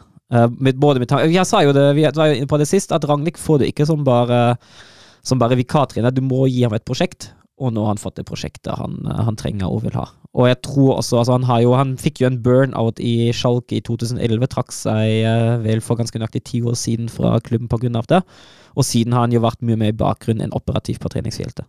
Mm. Det har jo vært uh, to sesonger i Leipzig, da han tok over som vikar i et, i et år vei. Og det blir jo en lignende rolle nå i United. Jonathan Hobber spør eh, hva tenker dere om Ragnhild i Manchester United? Jeg tenker jo at det er en strålende ansettelse. Jeg er spent på hvordan, eh, hvordan det fungerer med den, eh, med den varige troppen. Men jeg er egentlig ikke i tvil at om, om Ragnhild får de nødvendige kompetansene, om han får den makten han trenger, at dette på sikt uh, vil lede til at det, blir, at det, blir, bygget et ekstremt sterkt lag, og moderne fotballpreget lag i Manchester United. Det har ikke United sett på noen år. Nei, nettopp. Eller om de har sett på Altså, United har vel aldri hatt en manager som f.eks. står for høyt press? Ikke som, som, uh, som har den identiteten, nei. nei. Så det blir veldig spennende. Fangal var vel litt der, var han ikke det? Ja, det, det, var, det var både og. Men han var ikke noe sånn utpega Han var ikke noe totalfotball i United. Det var ikke det, altså. Eh, jeg er veldig spent. Altså, det tar jo lang tid å få et lag til å presse samlet. Mm. Og, og, med så mange typer som ikke er vant til dette presspillet, og så mange typer som faktisk ikke er noen sånne utprega presspillere, mm. så blir det veldig spennende å se hvordan denne managertida vil, vil, vil, gå. da. Altså At han er en glimrende sportssjef for Manchester United eh, fra neste sesong av. Utvilsomt. Han kommer, til, han kommer til å ta United opp i det absolutt store selskap. Det er jeg helt sikker på. Men er det ikke bare som konsulent? Får han en direktørrolle? Jeg veit ikke. jeg vet ikke. Ja, det, altså Hvis United er smart, gir de ham den direktørrollen. Jeg bare leste at, han, ja. at det var en konsulentrolle. Ja, Hvis han får konsulent? Det, det, det, det, får jeg si at hvis han får den nødvendige makten men, men, tror du han tar en sånn rolle? Fordi han er jo en, en uh, type som krever liksom all makt i dette ja, hus, som de sa på Eidsvoll. Ja, han, er, han, er veldig, han, er, han er veldig sånn uh, Sånn, uh, ja, som du, som du, skriver, at det er litt viktig for ham. Men han, han blir jo ikke yngre, han heller. Nei. Litt oppi åra. 63, liksom. Ja, så det, med tanke på den, på den uh, burnout-historien uh, hans før, kan jo hende at han har funnet ut at uh, det å ha en litt rådgivende rolle er ikke det dummeste. Vi får se. Men altså, beste for United hadde vært soleklart å bare gjøre ham til sportsdirektør. Ja, la ham styre sjappa. Mm. Jeg ser ikke noen som er bedre skikket. Jeg er også litt spent på har Manchester United det fysiske nivået inne nå for å spille den type fotball? Jeg tror det, det er litt samme som Tottenham og Conte. Jeg tror det kan, ta litt tid. Ja, men så, Han mangler jo typer òg. Altså, Som du sier, da, noen av de offensive vil kunne passe greit inn, mens andre passer jo ikke inn i det hele tatt. Og så kan du gå et ledd lenger bak på banen og se på midtbanen. òg. så. Der, er- der er det noe feil og mangler. Det har vi jo påpekt også med Solskjær-fotballen, at eh, det er der skoen kanskje trykker mest. Eh, På Twitter skriver Oi Haaland. eh, henter Ronaldo i august og Ralf Ragnhild i november. Bare den setningen ligger det litt humor bak. Men hvordan tror dere Ronaldo og Ragnhild-samarbeidet vil gå? Kan Roma- Ronaldo, som åpenbart var en av årsakene til at Ole Gunnar Solskjær mista garderoben, har gjort seg sjøl en stor bjørnetjeneste? Ja, definitivt. Uh, Ragnhild er da ikke kjent som typen som lar, spillere, som lar seg herske med spillerne. Uh, ikke i det hele tatt. Uh, jeg tror Hvis Ronaldo prøver seg på det, da får han uh, betydelig motvind. Men han har vel aldri heller hatt en sånn superstjerne? Nei, og det blir jo spennende å se hvordan samarbeidet blir. Men altså, det som er jo, er jo åpenbart, er at Cristiano Ronaldo ikke passer inn i, eh, i eh, hovedtanken, i hovedplanen til Ralf Ragnhild, som han pleier å spille. Overhodet ikke. Nei, det er kanskje den minst egna spissen i verden. Og sammen med Messi, kanskje. Ja, eller Wout Weghorst. Til og med han klarte å presse inn eh, under Oliver Glasen. Han jobber i hvert fall, bare treig. Nei, det blir spennende, altså.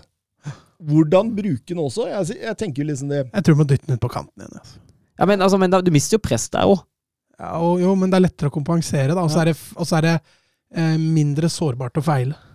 Ja, for det er jo hvis han Altså, disse eiera og miljø og alt bestemmer jo også litt.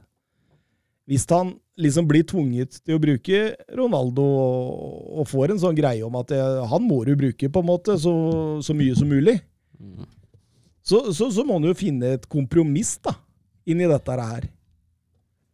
Og det er ikke sikkert det er så enkelt. altså. Da blir det som du sier, da. Du blir jo pressen ut på kant, og så Ja. Mm. Spennende. Ja, tenk, tenk deg Ronaldo og Van Bissaka på samme kant. da går det unna defensivt, altså. Nei, du må for all del ha han ut på venstre. Ja. Men jeg syns forresten han telles så brukbar. Ja, den enig. Eh, når det skal sies om det med venstrebacker, skal skal vi gå over til La Liga, Mats? La Liga loca.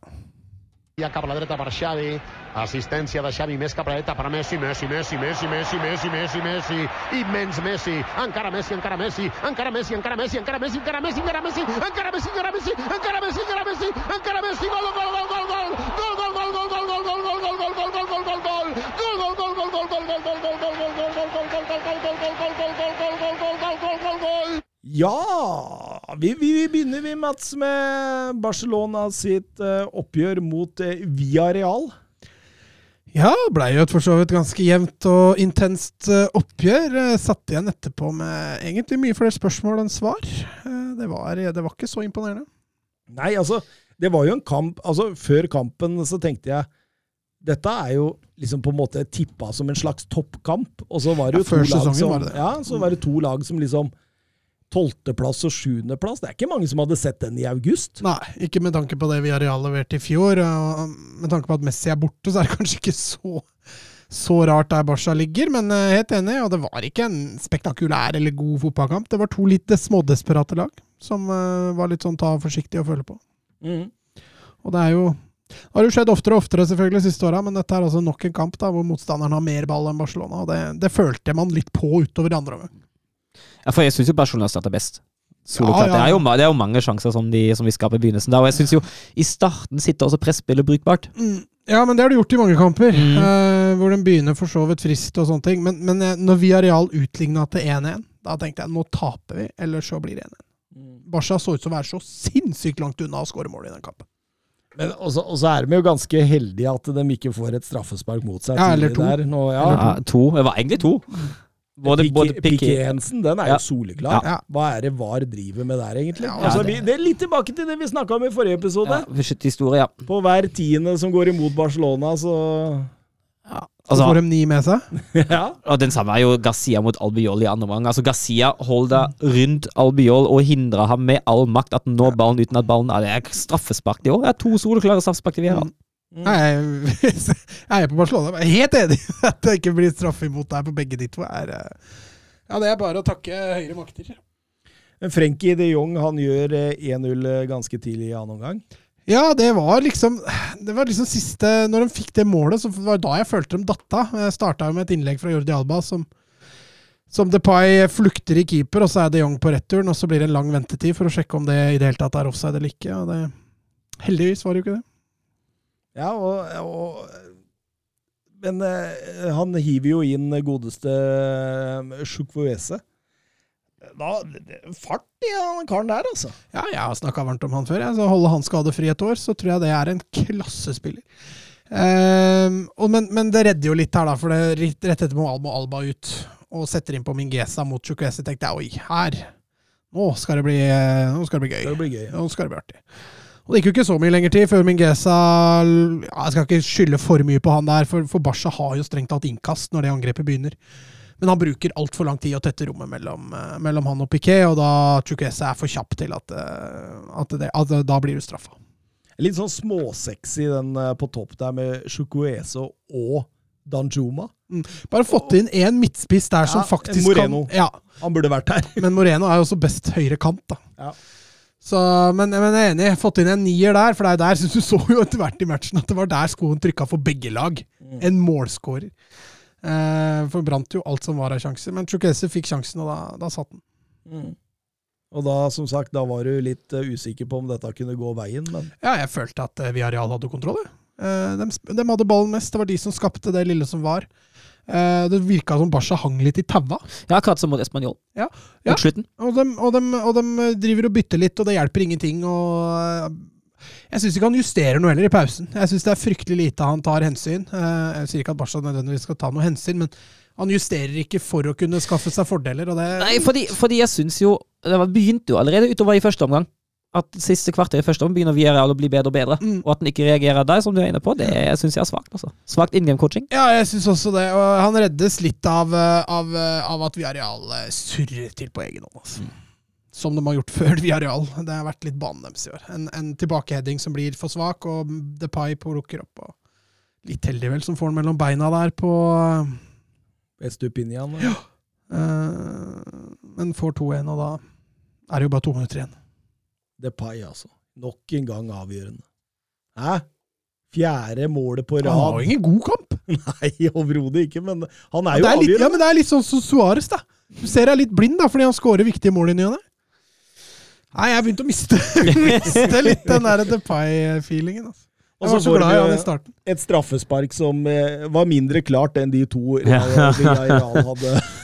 Ja, men det var straffe, det òg. Ja jeg ja syns alle de tre der skulle vært straffe. Eh, det er fryktelig klønete av Foyt. Eh, altså, det er Han har sikring. Coutinho er på vei ned mot dørlinja ved 16-meteren. Altså, det er jo Men det er litt Foyt. Det er det. der. det, er det. Litt uh, for mye armer og bein og litt for Altså, han hadde trengt litt taktisk veiledning. Uh, Ja, så tror jeg, Han spilte jo mye stopper, Foyt. Han spilte defensiv midtbane, har han vel gjort òg. mm. Jeg tror Unai Emery gjør rett i å sette den på høyrebekk, for der blir skadene minst. Men akkurat her ble det jo fatalt. da. Dette var faktisk Barcelonas første borteseier i La Liga denne sesongen. Oh yes. Og det er første gang denne sesongen de har vunnet to La Liga-kamper på rad. Oh yes. Skulle ikke tro dette var et topplag. Nei, nei, nei, men eh, godeste Xavi, han kommer inn, han leverer resultater. Jo, nå, nå, det er litt det jeg føler. Nå er Barca litt på en glid, da.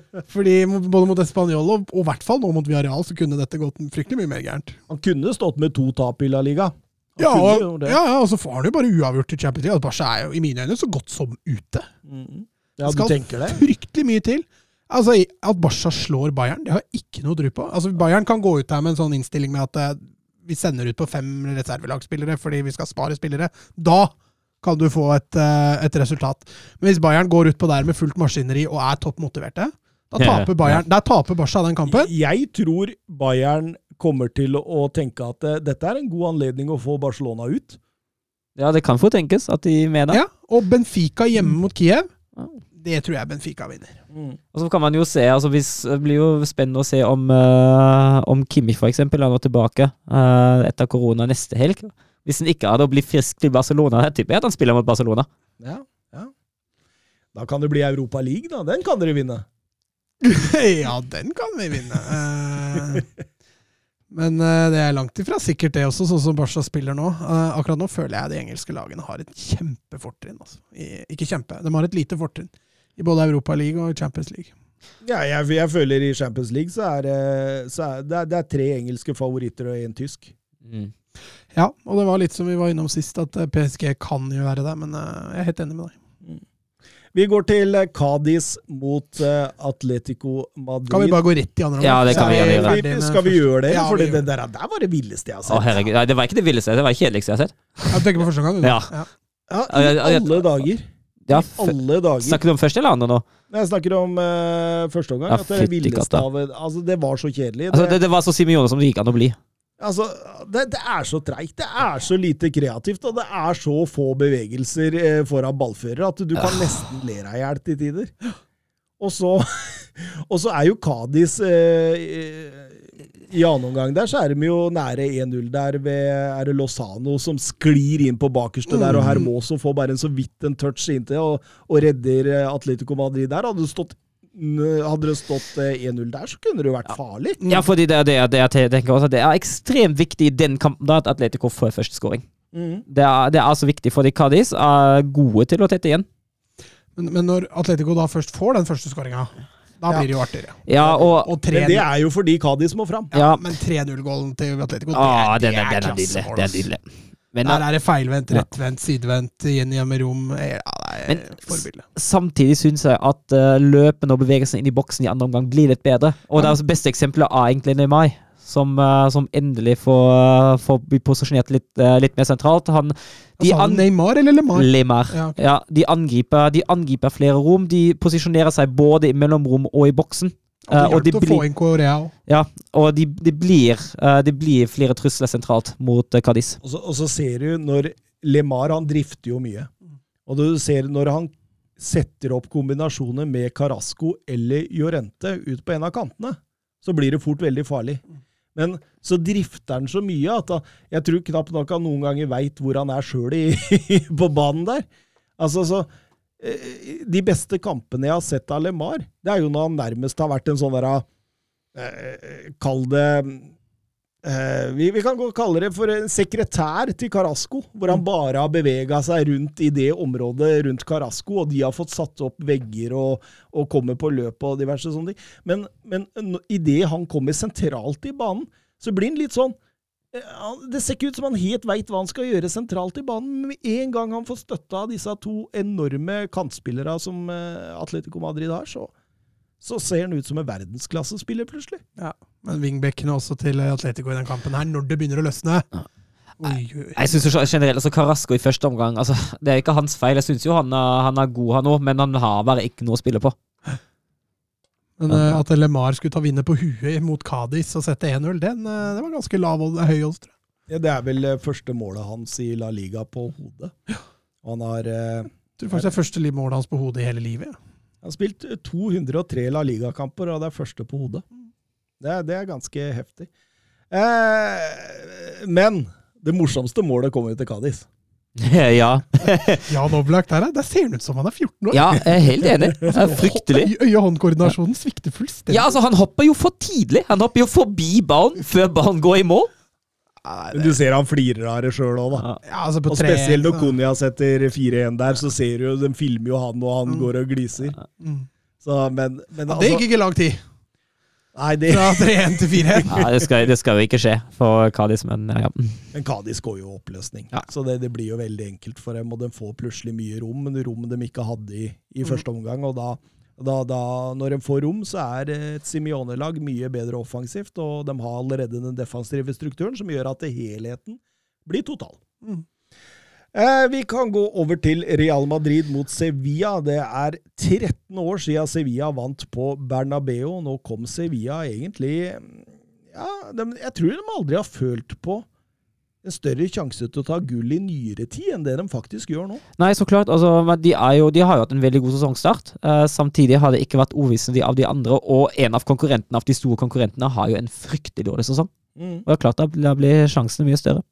Ja, og Lopetegi, dette var vel hans hundrende kamp som sjef for eh, Sevilla i La Liga, og han har 55 seire, 24 uavgjort og 21 tap, så det er jo gode tall. Ja, han var jo rykta også til både Tottenham og United-jobben nå, så det er klart han, han begynner å få et navn også. Eh, Det er klart Spillestilen hans er jo litt traust da i forhold til både det Tottenham og United vil, og det, det ser man. Men jeg syns førstegangen her i den kampen her, det er litt sånn eh, litt imot det Lopetegi egentlig pleier å gjøre. Ja, og det syns jeg var veldig spennende, han Egentlig så ser det ut som Real Madrid forventer et vanlig Sevilla-lag. Mm. Og så går de egentlig litt i strupen på Real Madrid. Ja, jeg er helt enig med deg. Det blei en veldig åpen fotballkamp. Mm. Uh, og Real Madrid er ikke noe Liverpool, så det, det går an å komme fra det. Eh, men Sevilla burde jo avgjort dette her i første omgang. Det burde de gjort. De tar jo 1-0 til ledelsen med Rafa Mir, og da satt jeg og tenkte på hvor er eh, markeringsspillet der? Ja, han sto helt alene. Hvem er Helt det? Genial!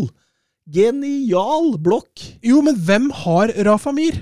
Er det Eder Militao? For han står jo milevis unna. Det er Eder Militao. Ja, men han, når corneren blir slått, han er jo ikke i nærheten Nei. av Rafa Mir. Jeg tenker at han, han har beregna innløp, tror jeg. Ja, men- du tenker på den sperra der blir genial, Ja, ja men altså, jeg tenker jo også, ja, den sperra var genial, men altså, da må han posisjonere seg bedre. Han Ja, fordi Hadde i- ja. Militao ligget tettere, Ja. så hadde du ikke hatt mulighet til å sette opp Ja. en sånn sperre. Rafa Mir, svære mannen, trenger ikke å hoppe engang for å hente inn ball på et eh, corner. Mm. Det, det, det. Da er det på tide å gå i seg sjøl. Ja, nei, det markeringsspillet der, det var flatt batteri, altså. Og, og, og det er jo som du sier, de har, de har jo en enorm dobbeltsjanse der òg, rett etterpå. Eh, det er vel Rafa Mir som har den også. Ja, det blir redning på streken Alaba, var det vel? Ja, og Courtois som redder strålende etterpå. Og keeperen, eller keeperne, utgjør jo eh, en viktig forskjell i den kampen. Og da Courtois er strålende når han eh, får muligheten, uh, bommer Bono grovt. Du tenker på målet til Benzema Ja, før Ja, for nå, altså nå, nå, nå Oblak så ut som en 14-åring, så han ut som en G12-keeper, altså. Ja, han gjør en, feilta, han gjør en feilberegning der, fordi han tror han kan holde den. Mm. Og så viser det seg å være for hardt. Ja. Og det ender opp med å gå i stanga, og så er Benzema på er klart, Og- Alt faller jo i Benzema sin. For Hadde den ballen treffet stolpen mer midt på, Ja, så hadde jo, eh, så Jo, jo, hadde jo men- Diego Carlos kommet først. men den skal jo Bono bare slå ut Ja, i corner. Ja, Og det, det eneste som Real Madrid har i den fasen, er jo langskudd. Mm. Det er jo bare de langskuddene fra Det, det var en til fra Alaba, tror jeg det er, som ikke går langt unna. Men mm. det kommer ikke noe annet enn langskudd. Nei, så sånn rettferdighetsmessig så skulle jo Sevilla gått til pause der med 0-2. Ja. Og da ville jo den kampen der vært langt på mer vei avgjort. I stedet for så går man til pause på 1-1, og den andre omgangen der fra Real Madrid, den lukter det langt mer svidd av. Altså. Mm, mm. Ja, absolutt, absolutt. eh, Men, men, men jeg syns jo jeg synes jo Sevilla likevel, altså i starten av annen omgang, de, de viser jo at de vil gå høyt. De vil uh, prøve å bestemme det som skjer der og sånt. og det, det, det, Jeg syns jo ikke Real Madrid får til så voldsomt mye. Nei, jeg syns jo at Sevilla står også Altså, når, vi har, når du har kritisert dem, eller vi har kritisert dem nå forrige episode for dårlig offensiv markering mot uh, Alaves, Mm, det kan nok være. ja, uh, så syns jeg vi treffer veldig godt på offensiv markering i den kampen. der. Men det er først og fremst utover andre omgang hvor Real Madrid tar over mer og Mm. mer, for Sevilla ser sliten ut. Ja, ja etter 70, Siste 70, ti etter minutter 70, 75, kvarteret ja. syns ja. jeg de ser, da ser de helt kjørt Altså, ut. Den begynner å spille gjennombruddsballer mot Rafa Amir, som Ja. om han skulle vært Jamie Wardy eller Michael Owen. ikke Ja. sant? Og plutselig forsvinner det aspektet med å spille seg ut bakfra og prøve å etablere spill på Real Madrids banehalvdel. Altså, det forsvinner jo ut av vinduet når det er igjen kvarter minutter der, og da Det er klart det blir lettere for Real Madrid, men jeg syns også Real Madrid er det laget som helt klart vil vinne mest, da. For da, da, da forsvinner litt av viljen til Sevilla. Det var litt skuffende å se. Men det måtte magi til for at alle tre poengene skulle, skulle gå den veien. Ja, Mm. Vinicius, det da var drømmeskåring. Jeg syns det er så deilig, den der Altså, det kommer jo en diagonal, han står jo helt ute ved krittet. Drar av Ocampos, er det vel? På brøstet, ja. Ja, og så Altså, de der eh, tempoforandringene innover i banen, som gjør at du liksom Du gjør ikke noe spesielt. Du gjør ikke noe finter eller noen ting sånn, men bare det å slakke av og øke tempo, slakke av og øke tempo, så passerer han jo egentlig to spillere. Mm. som, som, som ikke tør å gå oppi. Og, og banker den jo i lengste. Det er jo en eventyrlig skåring. Ja, hadde den avslutninga vært for to år siden, så hadde jo ikke den ballen landa ennå. Nei, det er jo nettopp det. Men nå begynner han jo virkelig å, å skinne litt. Eh, Det er klart det er tidlig å trekke konklusjoner ennå, men eh, sånne matchvinnerskåringer det har han jo hatt nå i snart hele denne sesongen. Ja, altså- Kanskje ikke like bra, men, men matchvinneravgjørende involveringer, da. Nei, og så føler jeg altså det er noe mer målretta oven. Det er mindre tomme finter. Det er mer målrettet rett på sak. Og så ha Altså, jeg føler altså at det taktiske, altså det spill, oppførselen under kampen, har blitt bedre. Vi har vært jæklig gode i denne episoden til å svare på spørsmål før vi får dem stilt. Så jeg kan jo ta det. Vebjørn Fredheim. Hva har egentlig skjedd med Venitius jr.? Ser til og med ut som Benzema er enig i at han har tatt noen steg. ja, men jeg tror Benzema har han tatt den litt under vingene nå. Jeg tror han måtte det etter det der greiene som skjedde for et års tid. Han er mot oss! Han er mot oss! Ja, Ikke senteret til han, han er mot oss. eh, men, men eh, Nei, altså Venitius eh, han har blitt helt klart mer moden, som Søren sier. Det, det er det jo ingen tvil om. Eh, ferdighetene har jeg jo alltid sagt at han har, så bare han får lært seg å bruke det mer riktig. Eh, så er det klart det at det er tillit det er en viktig del i fotball, og det har Vinicius fått masse av. Kanskje mer enn han hadde fortjent. Og det får man, øh, høster man litt frukter av. Men samtidig, ja. Det har gått 14 kamper i La Liga denne sesongen. Og han, det er fem i Champions League eller noe sånt noe. Og folk går rundt og kaller han for superstjerne. Det ja, er litt tidlig, altså. Det, det er tidlig, altså, men, altså, men, men ser jo helt klart en utvikling. Uh, og man ser jo helt klart en utvikling sammenlignet med i fjor. Uh, men man skal være forsiktig med å heve den for høyt. Og det er en ung spiller, og det kommer til å komme svinginger.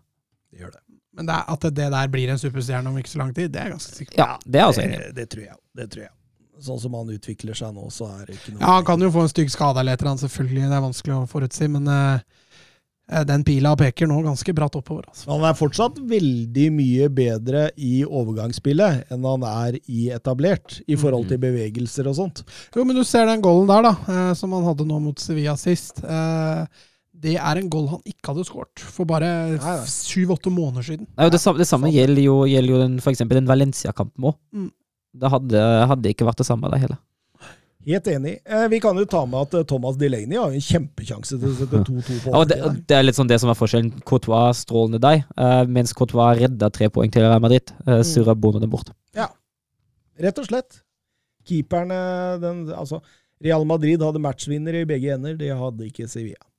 Selv om jeg syns Lucas Ocampos spiller en strålende mm. fotballkamp. Han, han, han, er så deilig når de sitter de der Altså de der tette fintene hans. De der hvor det ser ut som Nei, han går, han går rett på forsvarsspilleren og mm. mister ballen, han. Og så er det bare en sånn liten en til sida. Ja, han tok Casemiro der. Ja, også er, ja. Casemiro lurer på hva som skjedde enda, tror jeg. Men, men, han er jo en veldig Altså, Der tror jeg frustrasjonen er høy når ting ikke lykkes, og så er gleden desto For han er jo en spektakulær spiller. Mm. Mm. Det, det, er ingen tvil om. Eh, ellers så syns jeg også sentrallinja til Sevilla defensivt den er også fryktelig deilig. altså. Med Fernando og Condé og Carlos. Ja. Altså, det er eh, Murbrekkere. Ja, det er en uh, på en måte ganske sexy triangel der. altså. Deilig. Eh, Jørn Henland på Twitter. Påstand, skriver han. Gareth Bale spiller ikke mer fotball før han bytter klubb. Er dere enig? Uh, altså, det er jo påfallende hvordan han alltid er skadefri for Wales. Mm-hmm. Og kommer skada tilbake til Real Madrid og er skada så lenge fram til neste kamp for Wales.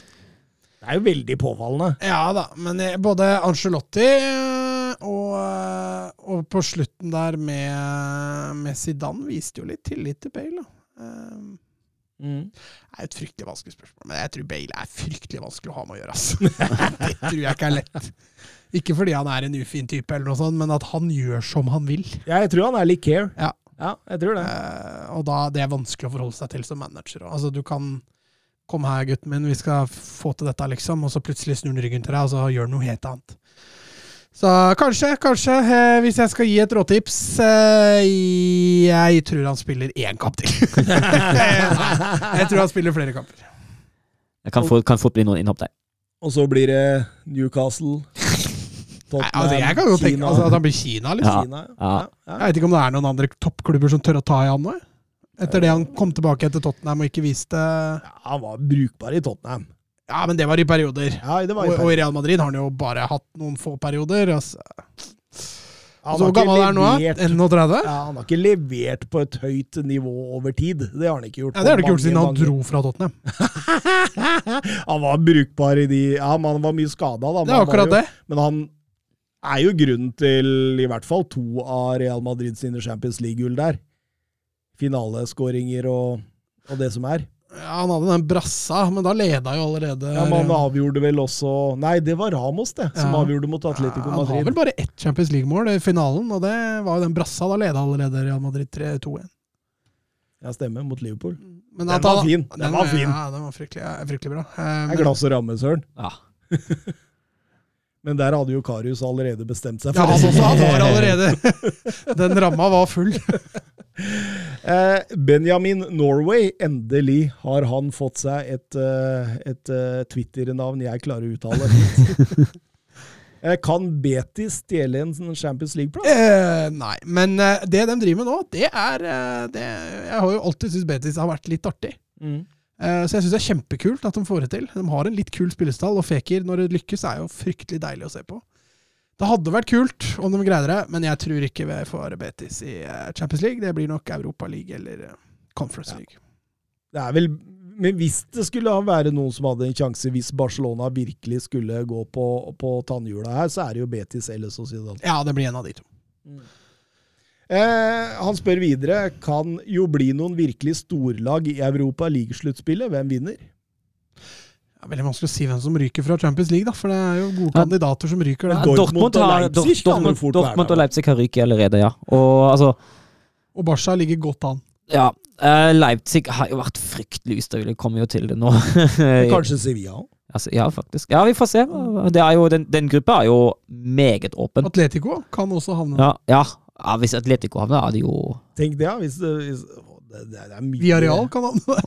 Og, og, og fra før av så er jo Lyon imponert stort i Europaligaen denne sesongen. Monaco er der, eh, Leicester, Leverkosen, eh, Westham. Det er jo alle gode lag. Ja.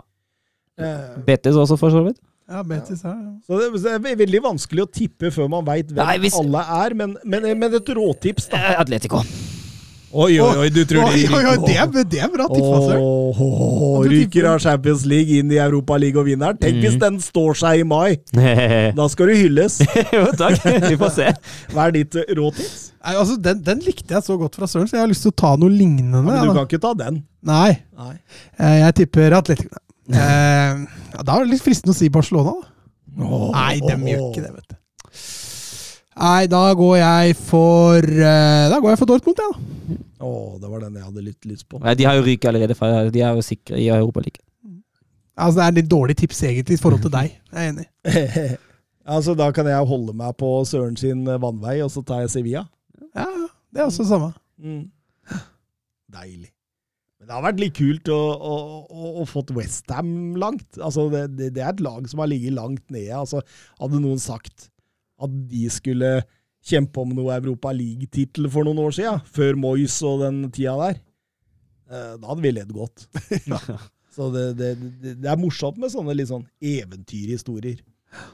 Ja, samme med Tottenham, da, i Conference League. Det spørs om vi går videre fra gruppa. Men renn hjemme, det bør jo gå greit. Jeg tror, jeg tror nok ikke det er safer der. Men tenk, møter møte Bodø-Glimt og bli slått ut, vet du. Ja. Det, det, det verste er at Bodø-Glimt kunne vært en håndfull, dem eh, på Aspmyra. Jo, men greia er at når vi kommer til februar, så er det ikke sikkert verken. Knutsen eller Marius Lode eller Fredrik Bjørkan er der, og da det er ikke samme Og det er det som skal uh, være Tottenham tunget på vektskåla. Jo, men det, alle de tre er jo ganske viktige, da. Ja. Kjetil Knutsen som er trener, Og i og med, hvis vi kommer inn til februar, så tror jeg Konta har fått et brukbart skikk på dette laget òg. Skikk, vil dere ha han? Ja, trenger en spiss ved siden av Kane. Oi, ved siden av Kane. Jeg skal legge om, ja. Ehm, Bundesliga, eller søren? Er macht ein richtig gutes Spiel. Jan Schimonek. Die Wolfsburger lassen so gut wie nichts zu. Grafit. Grafit gegen Lell. Jetzt wird's eine Demütigung. Guckt euch das an. Bist du verrückt? Bist du verrückt? Tor des Jahres. Die Bayern der Lächerlichkeit preisgeben. Og eh, søren, eh, ditt kjære Wolfsburg eh, tok imot Dortmund. Ja, begge lag kom jo fra skuffelse i Champions League. Wolfsburg med bortetap mot Sevilla, Dortmund med bortetap mot Sporting. Så begge lag måtte, måtte opp i ringen igjen. Og herlig, Erling Braut Haaland på benken! Ja, overraskende nok. Han eh, kom seg i troppen. og har jo rykte at han skulle være ute med skade mye lenger. Eh, og jeg tror det var Sebastian Kee som var inne på det etter kampen, at han sa at eh, han hadde en overraskende god, trening, god treningsuke, slik at legene sa at det er helt forsvarlig å ta med. Oi, oi, oi, oi, oi. Han er en sånn Zlatan. Han, han kommer tilbake i rekordfart. Han kommer til å spille fotball til han er 50. Men eh, det var, for en åpning eh, Wolfsburg hadde, da. Ja, eh, den venstre til Dortmund var jo vi åpen. Eh, både Brandt og Schulz var jo et eller annet sted, men bare ikke på posisjonene sine, og da fikk Baku, Bako og Baku Bakio rom til å boltre seg i. Eh, og etter litt over ett minutt hadde da Verhost skåra. For øvrig nå når han skåra mot samtlige nåværende Bundesliga-lag, unntatt Wolfsburg selvfølgelig, for dem han ikke spilte imot. Men det uh, var førsteskåringa mot Dortmund, og førsteskåringa som Wolfsburg fikk mot Dortmund siden Daniel Di Davi. Oi, oi, oi. For uh, seks eller sju kamper siden. Ja. Men et eh, vakkert angrep. Vakkert var ikke angrep. Mm. Uh, nydelig Starter spilt. helt bakerst. Ja, absolutt. eh, Veldig, veldig bra. Og um, Luke Bakio, han er, han er ganske morsom å se Han er, han er morsom å se på. Han er altså ganske fortvilende å se på når du heier på Wolfsburg. For altså, offensivt er det gøy. Offensivt er det morsomt. Når han er på, er det fryktelig gøy offensivt. Defensivt, eh, da er det ikke alltid fullt så overbevisende, for å si det forsiktig. Men han, altså, det er jo det jeg sa forrige episode òg. Han er en spiller som eh, balanserer Han hopper egentlig tøy med den linja mellom geni og galskap. det er litt som Mats, med seg i forrige uke. Geni eller galskap. Ja, Som Mats sa. Er som jeg sa om deg. Oh, ja, sånn. Ja, og, og ellers- ikke altså Wolfsburg prøver jo å ligge litt lavt. Uh, prøver å tette rommene, gjør det egentlig greit. Uh, prøver å ta de overgangene med de kjappe kontringsspillene man har. Uh, får ikke helt, uh, helt reisen på Makeroy. Sliter litt med det mellomrommet, salig mellom uh, Lacroix og Bako på, på høyresida. Det er da størst problem ligger. Men ja, Dortmund har, Dortmund har banespill og skaper da ikke altfor mye heller. Men så kommer det en straffespark. Ja, og det er Max Hans Lacroix igjen. Det er tredje straffespark han nå. Havna på Burde vel vært utvist der. Han tok meg ikke seriøst. Ja, nei, det var jo Jeg Jeg tenkte jeg skulle spille den opp. kan, jo, kan jo si at Altså, har, Kommentatoren mente det. ja, jeg har veldig, altså, jeg har veldig sans for Lars Tjener, som er rolig og analytisk og alt det der, men å se en Dortmund-kamp uh, og heie på det motsatte laget, og ha da den kommentatoren man har på Viaplay, det er ikke morsomt. kan si Sunde. Ja, altså det, det, er, altså det er jo, det er jo altså hvis, han krever, hvis han mener at Lacroix bør bli utvist, så kan enten ikke fotball, eller så har han så mye Dortmund-briller på seg at det ikke lenger er morsomt. Ja, jeg er enig. Jeg tror det er slitsomt å være supporter Ja, av det er- det er laget slitsomt. når. Dortmund og Haaland Ja, det, spiller mot. Det tror jeg kan være Altså Det blir som å høre sitte at noen hele tiden sitter og heier på laget du Ja. ikke Men, men, men han er ikke sant? Nå, Vi spiller jo inn tirsdag. Denne kampen var eh, Lørdag. lørdag. Så det er jo gått noen dager. Så det temperamentet hans da overfor dette har jo roa seg vesentlig. Det har vært veldig gøy å spilt en podkast-episode med Søren ser Wolfsburg med Eivind Bisgaard Sunde som kommentator. ja, men jeg, jeg, jeg går fint med Eivind Bisgaard Sunde som kommentator så lenge vi ikke møter Dortmund. Det er det som var Ja, eller en, et lag med norsk Ja, spiller. ja, for så vidt. Ja, Mm. ja greit. Men uh, Nei, altså, det der, det der var slitsomt. Beklager. Men det Altså, når man, når man, når man ikke Altså Når man føler at kommentatoren heier på det motsatte laget, det er ikke noe særlig kult. Men det gjør han garantert òg. Han heier på Haaland. Ja ja, men du skal jo prøve å være litt subjektiv. Ja. Da. Det er samme som med Alsaker. For du veit jo han er Liverpool-supporter. Ja. Og noen ganger så tror jeg ikke han greier å holde seg ordentlig. Nei, jeg vet, For meg man, som man ikke- prøver alt han kan. Ja, han gjør det. Det, det gjør han, altså. Men, men eh, du, du merker det litt, og det er kanskje fordi du veit han er Liverpool-supporter også, da, men jeg tenker noen ganger ah, nå er jeg glad jeg ikke heier på dem, liksom, for det har vært litt slitsomt. Ja, ja og så altså, er det noe med Altså, jeg, altså, jeg syns jo som Tjener sier, det er det veldig bra, fordi Tjener syns jeg er saklig og objektiv, med litt mer fokus på Erling Braut Haaland når han er på banen, og det er jo helt greit som norsk kommentator, sier jeg ikke noe imot. Men altså, å nærmest heie på én enkeltspiller, og da i konsekvens på det laget den enkeltspilleren spiller på åh. Nei, det er, det er slitsomt når man heier på det andre. Men Emre Chan setter ballen i mål, eh, og da er det 1-1 til pause. Ja, og det er altså. fullt fortjent, tenker jeg. 1-1 helt greit resultat. Ja, og, og, og Kofelt justerer jo litt i pausa. Eh, flytter laget høyere opp i banen, både med toppress og laget generelt sett, egentlig. Eh, Og de første fem eh, blir det for mye rom bakover. Eh, de første fem syns jeg Dortmund altså Dortmund åpner best. Eh, jeg syns de første fem sliter Wolfsburg litt med, med avstandene bak. Får justert, men når de får justert seg, står det allerede 2-1. Eh, og den der tror jeg ikke det hadde, hadde havna i mål hvis Kohn Castells ikke hadde fått seg korona. Jeg syns Pervan ser dårlig ut der. Han står feilplassert, og så når han ikke bort. Men jeg tror Castells hadde redda den der. Men Malen har ikke han skåret alle tre måla sine utafor 16? Jo. to i Bundesliga, i hvert fall. Ja, men han har vel ett i CL òg? Ja. Jeg mener du Ja, det var utafor utenfor tror det. Tror det. Mm. Det er Han har- nieren, er sin, det. Han har faktisk tre på rad. Mm. Ja, han skåra mot, uh, Sporting? mot Sporting, og så skåra han mot Stuttgart forrige uke. Men, men, men etter 1-2 da, så tar Ja, jo er Wolfsburg, over. Wolfsburg tar fullstendig over. Uh, har, jo, har jo flere gode, gode muligheter. Sali etter dødball, og Sali lukker bak Jo, Brooks må gjøre noe mer ut av de mulighetene. Veldig hyggelig å se Luka Waldschmidt tilbake. Jeg syns han er frisk når han kommer inn, uh, som offensiv, uh, offensiv spiller Da. men mangler litt den effektiviteten som skal til. Og Men tenk så deilig da, å sitte på benken og bli pressa av Wolfsburg, og så har du en Braut Haaland ja. på benken som bare Du kan bare sette inn. Det var det Solbakken mangla. Ja. mm. Ikke det at Haaland hadde snudd den matchen, men men, men, men den kontringsstyrken og den ti, tilstedeværelsen og sånt som bare Altså, han blir ta, det er vel Malen som blir tatt av. Det er, det, er, det er jo to forskjellige fotballspillere. ja, det er jo det, selv om jeg syns Malen begynner å komme seg litt også. Han begynner å få litt bedre tid. Ikke tro på han Malen i det hele tatt, jeg, etter Nei. jeg har sett disse. Altså, det, Det er greit, det. det er verre enn Yota, faktisk. Såpass, ja. ett og et halvt år så flopper han fullstendig, eller? Nei, nå har jo Malen, Malen, har jo, Malen har jo ikke hatt en god start i Dortmund i det hele tatt. Nei, jeg, jeg, jeg ser ikke den Altså, på en måte altså, jeg, jeg ser ikke den spissen Stjerna. Ja, stjernen, Nei, spissen som han- skal skåre 15-20. Men han er, jo ikke, han det, er jo ikke det heller. Men han trekker jo altså, Man ser jo det, han trekker jo veldig mye ut på kant, så han blir jo en form for hybrid mellom spiss og kant.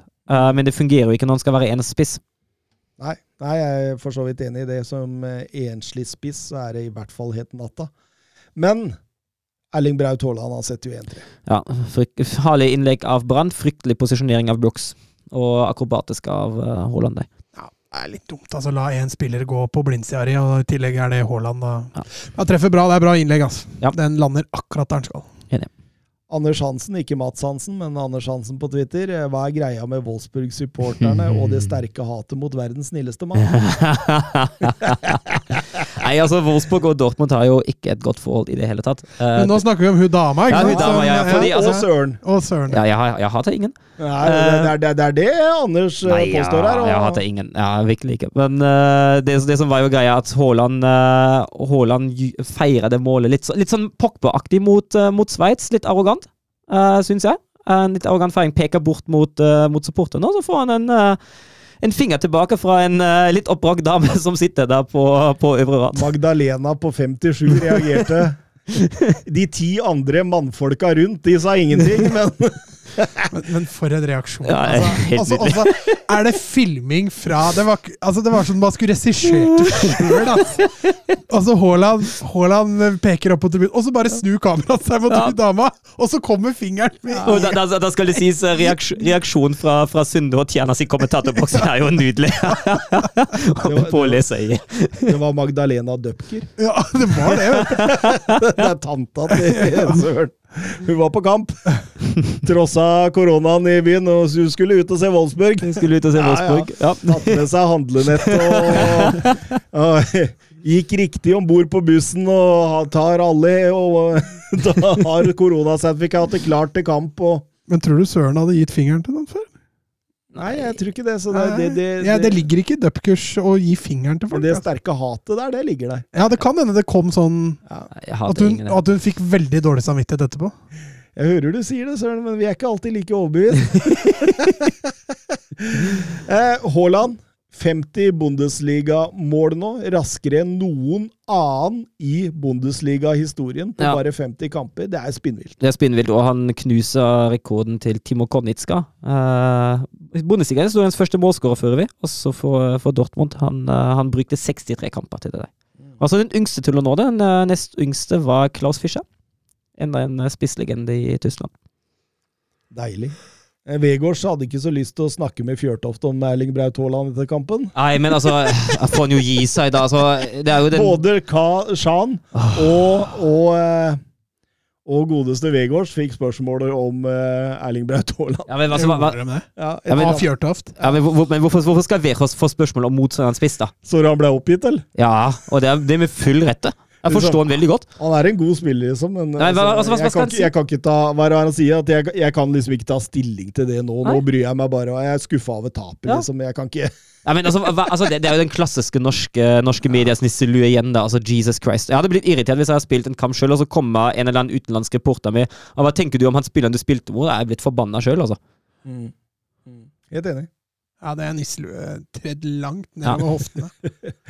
Eh, Wolfsburg har tapt sju strake mot Borussia Dortmund. Eh, kun ett poeng på de siste 13 møtene. Ja, vet du hvem som var vet du, i, I den siste offisielle kampen Wolfsburg vant mot Dortmund, vet du hvilken det var? Nei. Cupfinalen 2015. Der var det Jørgen Klopp på sidelinja for Wolfsburg skåra Louis Gustavo, Kevin De Bruyne og Bas Dost. Aubameyang for Dortmund. Ja. Det var tider. Det var tida. Det Hvem var var på trenerbenken til Wolfsburg da? Det var Dieter Hekking.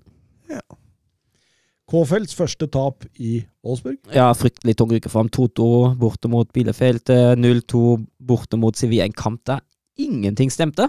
Eh, og nå den Dortmund-kampen. Der jeg for så vidt synes at det er, det er veldig framgangssamlinger med de to første. Eh, men eh, får ikke det resultatet på plass. Men eh, spillemessig var det en opptur fra de to forrige. Mats Hummels, den sjette spilleren i Bundesliga-historien til nå 300 kamper. Ja, Sterkt. Og Jørgen B. Ready. Haaland tilbake i rekordfart, og selvfølgelig skårer han. Hvem har den største prestasjonen denne sesongen av Erling Braut Haaland og Lewandowski, Thomas og Søren? Jeg, har, altså, jeg, jeg står litt på midt der. Altså, jeg føler at den eh, altså, Men det gjorde du ikke etter sendetid, for da sa du at nei, jeg var ikke våken. Ja. Jeg måtte bare stå på det. Nei, men jeg, jeg føler jo altså, Hvis man ser på hele sesongen Han gjorde det. Ja, men hvis, hvis man ser på hele sesongen, da. eh, jeg føler at det at Haaland ikke har spilt, eh, har spilt alle kamper, det spiller jo inn i prestasjonen. Jo, men det er, det er jo ikke det vi diskuterer her. Det er prestasjonen når de spiller. Vi kan ikke sitte og Jo, altså, men, tenke på men, hva det, han gjør når han sitter hjemme. nei, nei, men det, det å faktisk kunne spille samtlige kamper er jo også en prestasjon. Det å ha ha fysikken til å spille alle kamper og ikke være skada. Jeg føler jo at det spiller inn. Det gjør en spiller mer verdifull. Ja. Du vil jo heller ha en spiller men, som men spiller nå, nå, nå, er det, nå har det vært et par kamper for Lewandowski i Bayern München hvor han kunne like godt spilt med Choupo-Moting. Jo, jo, men det skyldes jo kanskje litt mer hva Bayern München gjør offensivt ellers, da. Jo, jo, men det er det jeg mener, da. Så det må jo telle inn det òg, at du er totalt anonym i Altså, har, Lewandowski har jo hatt kamper denne sesongen. Ja, det er ikke, se på, ikke, ikke se på meg, jeg ble ikke invitert med i den diskusjonen. Men det har, det har Haaland også hatt. Han har også hatt anonyme Nei, kamper. han har, han har ti mål på sju kamper, søren! Ja, hvis du, ser på, hvis, du ser på, se, hvis du ser på samtlige kamper den sesongen, har Haaland eh, 14 mål i 11 i alle offisielle, og Lewandowski står med 25 på 20. Da har Haaland 0,02 bedre mål enn Lewandowski. Ja, det er jo bra, det. Det er bra. Jeg sier altså Det er to spisser i verdensklasse, men jeg står på at eh, jeg mener at Lewandowskis tall, med tanke på at han faktisk har klart å spille alle kamper, og har fått den fysiske påkjenning av å spille alle kamper, det er verdensklasse, det. Altså, jeg, Det betyr, det betyr ikke så mye for meg, altså. Men eh, Men altså, det er jo, det er jo, altså, det er jo, det er jo krangelig på høyt nivå. Det er to absolutte toppspisser. Det er to spisser i verdensklasse. Det er det definitivt. Ja. Nei, eh, det, vi, vi får være uenige Nei, vi får være enige med å være uenige. Det er helt greit. Det, det tror jeg akkurat. For denne sesongen Hadde vi tatt uh, 2021, så har Lewandowski vært best. Det er jeg ingen tvil om. Men denne sesongen her, jeg syns Lewandowski han får mange enkle mål. Uh, han har vært totalt borte fra mange kamper hvor du knapt nok har sett den. Og da tenker jeg først og fremst Bundesliga. Jeg har ikke sett Bayern så mye i Champions Ja, League. Ni denne- mål på fem kamper da, det Jo, jo, sier en del. Men det, det sier jo litt om uh, motstanderen i den der Hei, hei, hei! Nå må du, nå må, nå må du bremse her. Da. Så du, du, du, du tror at uh, Augsburg og Bielefeld er tøffere enn uh, en Barcelona og Benfica? Ja, det, det, det, er, det er ikke langt unna nå.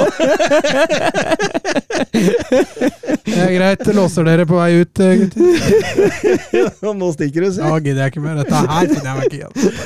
Men, men vi, vi kan gå videre til Bayern München mot Armina Bielefeld. Det var jo et skikkelig topp mot bunnoppgjør, det, Søren. Ja, det var det. Bielefeld eh, nest sist, Bayern på topp. Men Bayern kommer fra altså I Bundesliga i Champions League vant man jo borte 2-1 eh, mot Kiev, inkludert uh, brassespark, drømmeskåring av nevnte Lewandowski.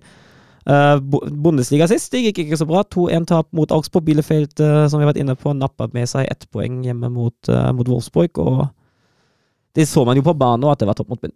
Mm. Det var jo Det var tydelig. Det var enveiskjøring. Det var tydelig hva Bielefeld ønsket i den kampen der. Ortega var ganske bra. Ortega var veldig bra. Uh, Bayern kjører jo fra start til slutt. Bayern med sitt vante ja, Med ballen blir det vel en 3-1-5-1. Mm. Med Tolisso litt dypliggende nå, og Goretzka opp, og Sané igjen i en frirolle. Davis veldig offensiv eh, på venstre, og skaper jo, skaper jo en del muligheter. Det tar bare tid før de får hull på bullen. Bielefeld står bra. Altså. Bielefeld står bra, de står bra imot, men altså Bayern burde jo altså Ja, altså, uten- alene der. Uten, og- uten Ortega hadde jo blitt 1-0 eh, 1-0 mye tidligere, og Bayern får jo Jeg så at uh, Kikka, den tyske fotballmagasinet, er inne og kritiserer Bayern i kampen mot at de sliter veldig med Bielefelds forsvar. Men altså, de kom jo til en XG på nesten 2,7. Ja, jeg vet det. Så. Så jeg tenker at altså, off altså, det er en soleklart bedre kamp enn den mot Augsburg offensivt. Og så, og, så, og så kan det med Bielefeld lure deg litt, da, fordi altså, etter at Freiburg slapp inn to mål mot Bochum tidligere på den dagen der, så var Bielefeld faktisk det laget som hadde sluppet inn færrest bortemål i Mm. Bundesliga denne sesongen. Med kun seks. Mm. Mm. Smak litt på den, da. Bielefeld. Sluppet inn færrest mål i Bundesliga. Ja, sterkt, det. Ja, så, så, så, så er det, det, er jo, det er jo et godt organisert, Mm. hardtarbeidende, duellsterkt eh, fotballag da, Ja, det- som det- har på en måte funnet en balanse på bortebane der. Ja, det er jo klassisk, eh, klassisk lag kjemper mot nedrykk av Nederhall. De forventer å være Nederhall. De er jo altså Uansett hvor de reiser, med unntak kanskje av borte mot Greuter Fürth, er jo hjemmelaget favoritt mot Bielefeld. Det er jo altså 16 av 17 lag, og det 17. det sier også kanskje, men 16 av 17 lag går inn i en hjemmekamp mot Bielefeld. Dette her skal vi vinne. Kreuter 40. 40. Ja, skåra- 40. skåra tre mål! Fürth Nei, vinner jo ikke hjemmekamper. Nei, de vinner jo ikke, Slapp inn seks. Det. Eh, med Sané sitt mål da, så har Bayern München skåra minst ett mål i 60 Bundesligakamper på rad. Ja, og så de, tok de den rekorden som du nevnte nå forrige uke. 102 mål i året 2001. Kalenderåret, ja. 2021. Ja. Gikk dem forbi køllen. Ja. Og, og, og Thomas Müller hadde sin kampnummer 396 i Bundesliga for Bayern München. Mm. Og det er det samme antall som Frans Beckenbauer. Beckenbauer. Ja. Og han vel ikke mange spillere foran seg nå? Nei, nå er det vel bare Kahn og Sepp Maier. Sepp Maier. Mm. Mm. Vi går over til eh, Leipzig mot eh, Leverkusen. Og, en liten koronakrise og en skadekrise i Leipzig. Ja. Likevel så ser jo laget bra ut. Altså, det, er jo, det er jo et sterkt lag de stiller. Jesse March var jo ikke ved sidelinja. Han har jo fått testa positivt for korona. Det samme gjelder Gulashi, Orban og Poulsen, blant annet. Sima Khan. Shimakan, ja. Det tunge, tunge fravær. Men altså, hvis du ser Angelino, Guardiol, Klostermann, Mokiele, Kampeleimann, Kunko Forsberg, Silva, Brobby og Martine, som tross alt er i kretsen til det spanske landslaget altså, Det er ikke et dårlig fotballag til deg. Overhodet ikke. Overhodet ikke. Men det som det fotballaget da presterte på banen, det var fryktelig. Altså, nå har jeg vært innom den Hoffenheim-kampen forrige uke. Det var flatt batteri på alle punkter. Så går de ut i Champions League og knuser uh, Brygge 5-0. Og så er vi tilbake på Hoffenheim-nivå. For dette deg, det var fullstendig katastrofe. Jeg sa jo Hoffenheim var, var sesongens bunnpunkt. Jeg mener at dette var enda svakere enn Hoffenheim for Leipzig. Ja, det var fordi det var hjemmebane òg. Men altså, presspillet det, det er så enkelt å komme seg ut av det presset. Det er ikke noe samhandling i det hele tatt. Leverkosen de gjør, de gjør samme greie mot Leipzigs press hele tida. Vend deg ut på høyre, trekker en spiller inn sentralt, flytter, trekker Forsbekk inn sentralt, og venstresida er helt åpen. Og så går de seg ut av Leipzigs press på venstresida gang på gang. I gegenpressing er Leipzig fryktelig langt unna. Og, og det er sånn altså, jeg, kan jo, jeg kan jo forstå at det tar tid mot etablert forsvar og alt det der, men presspillet, altså det som Jesse March var kjent for i Salzburg, var presspillet. Og så har han fortsatt ikke fått det til, og så varierer det så voldsomt. Det forstår jeg ingenting av. Nei, det, det, det er det, altså. Eh, Florian Wirtz, eh, Diaby og denne Adli, de, Ja, ja, ja. de kledde jo Arem på overgangene så det sang. Eh, 1-0-målet til Florian Wirtz, det er jo det er så deilig. Ja, det er, så deilig. nydelig. Den, den passingen av Palacios også, åh, av vakkert. Men det er jo litt, altså Stå høyt. Altså, De ser jo Leipzig stå etter hvert på 2-0-målet òg. Står de høyt, men har ingen press på ballfører. Mm.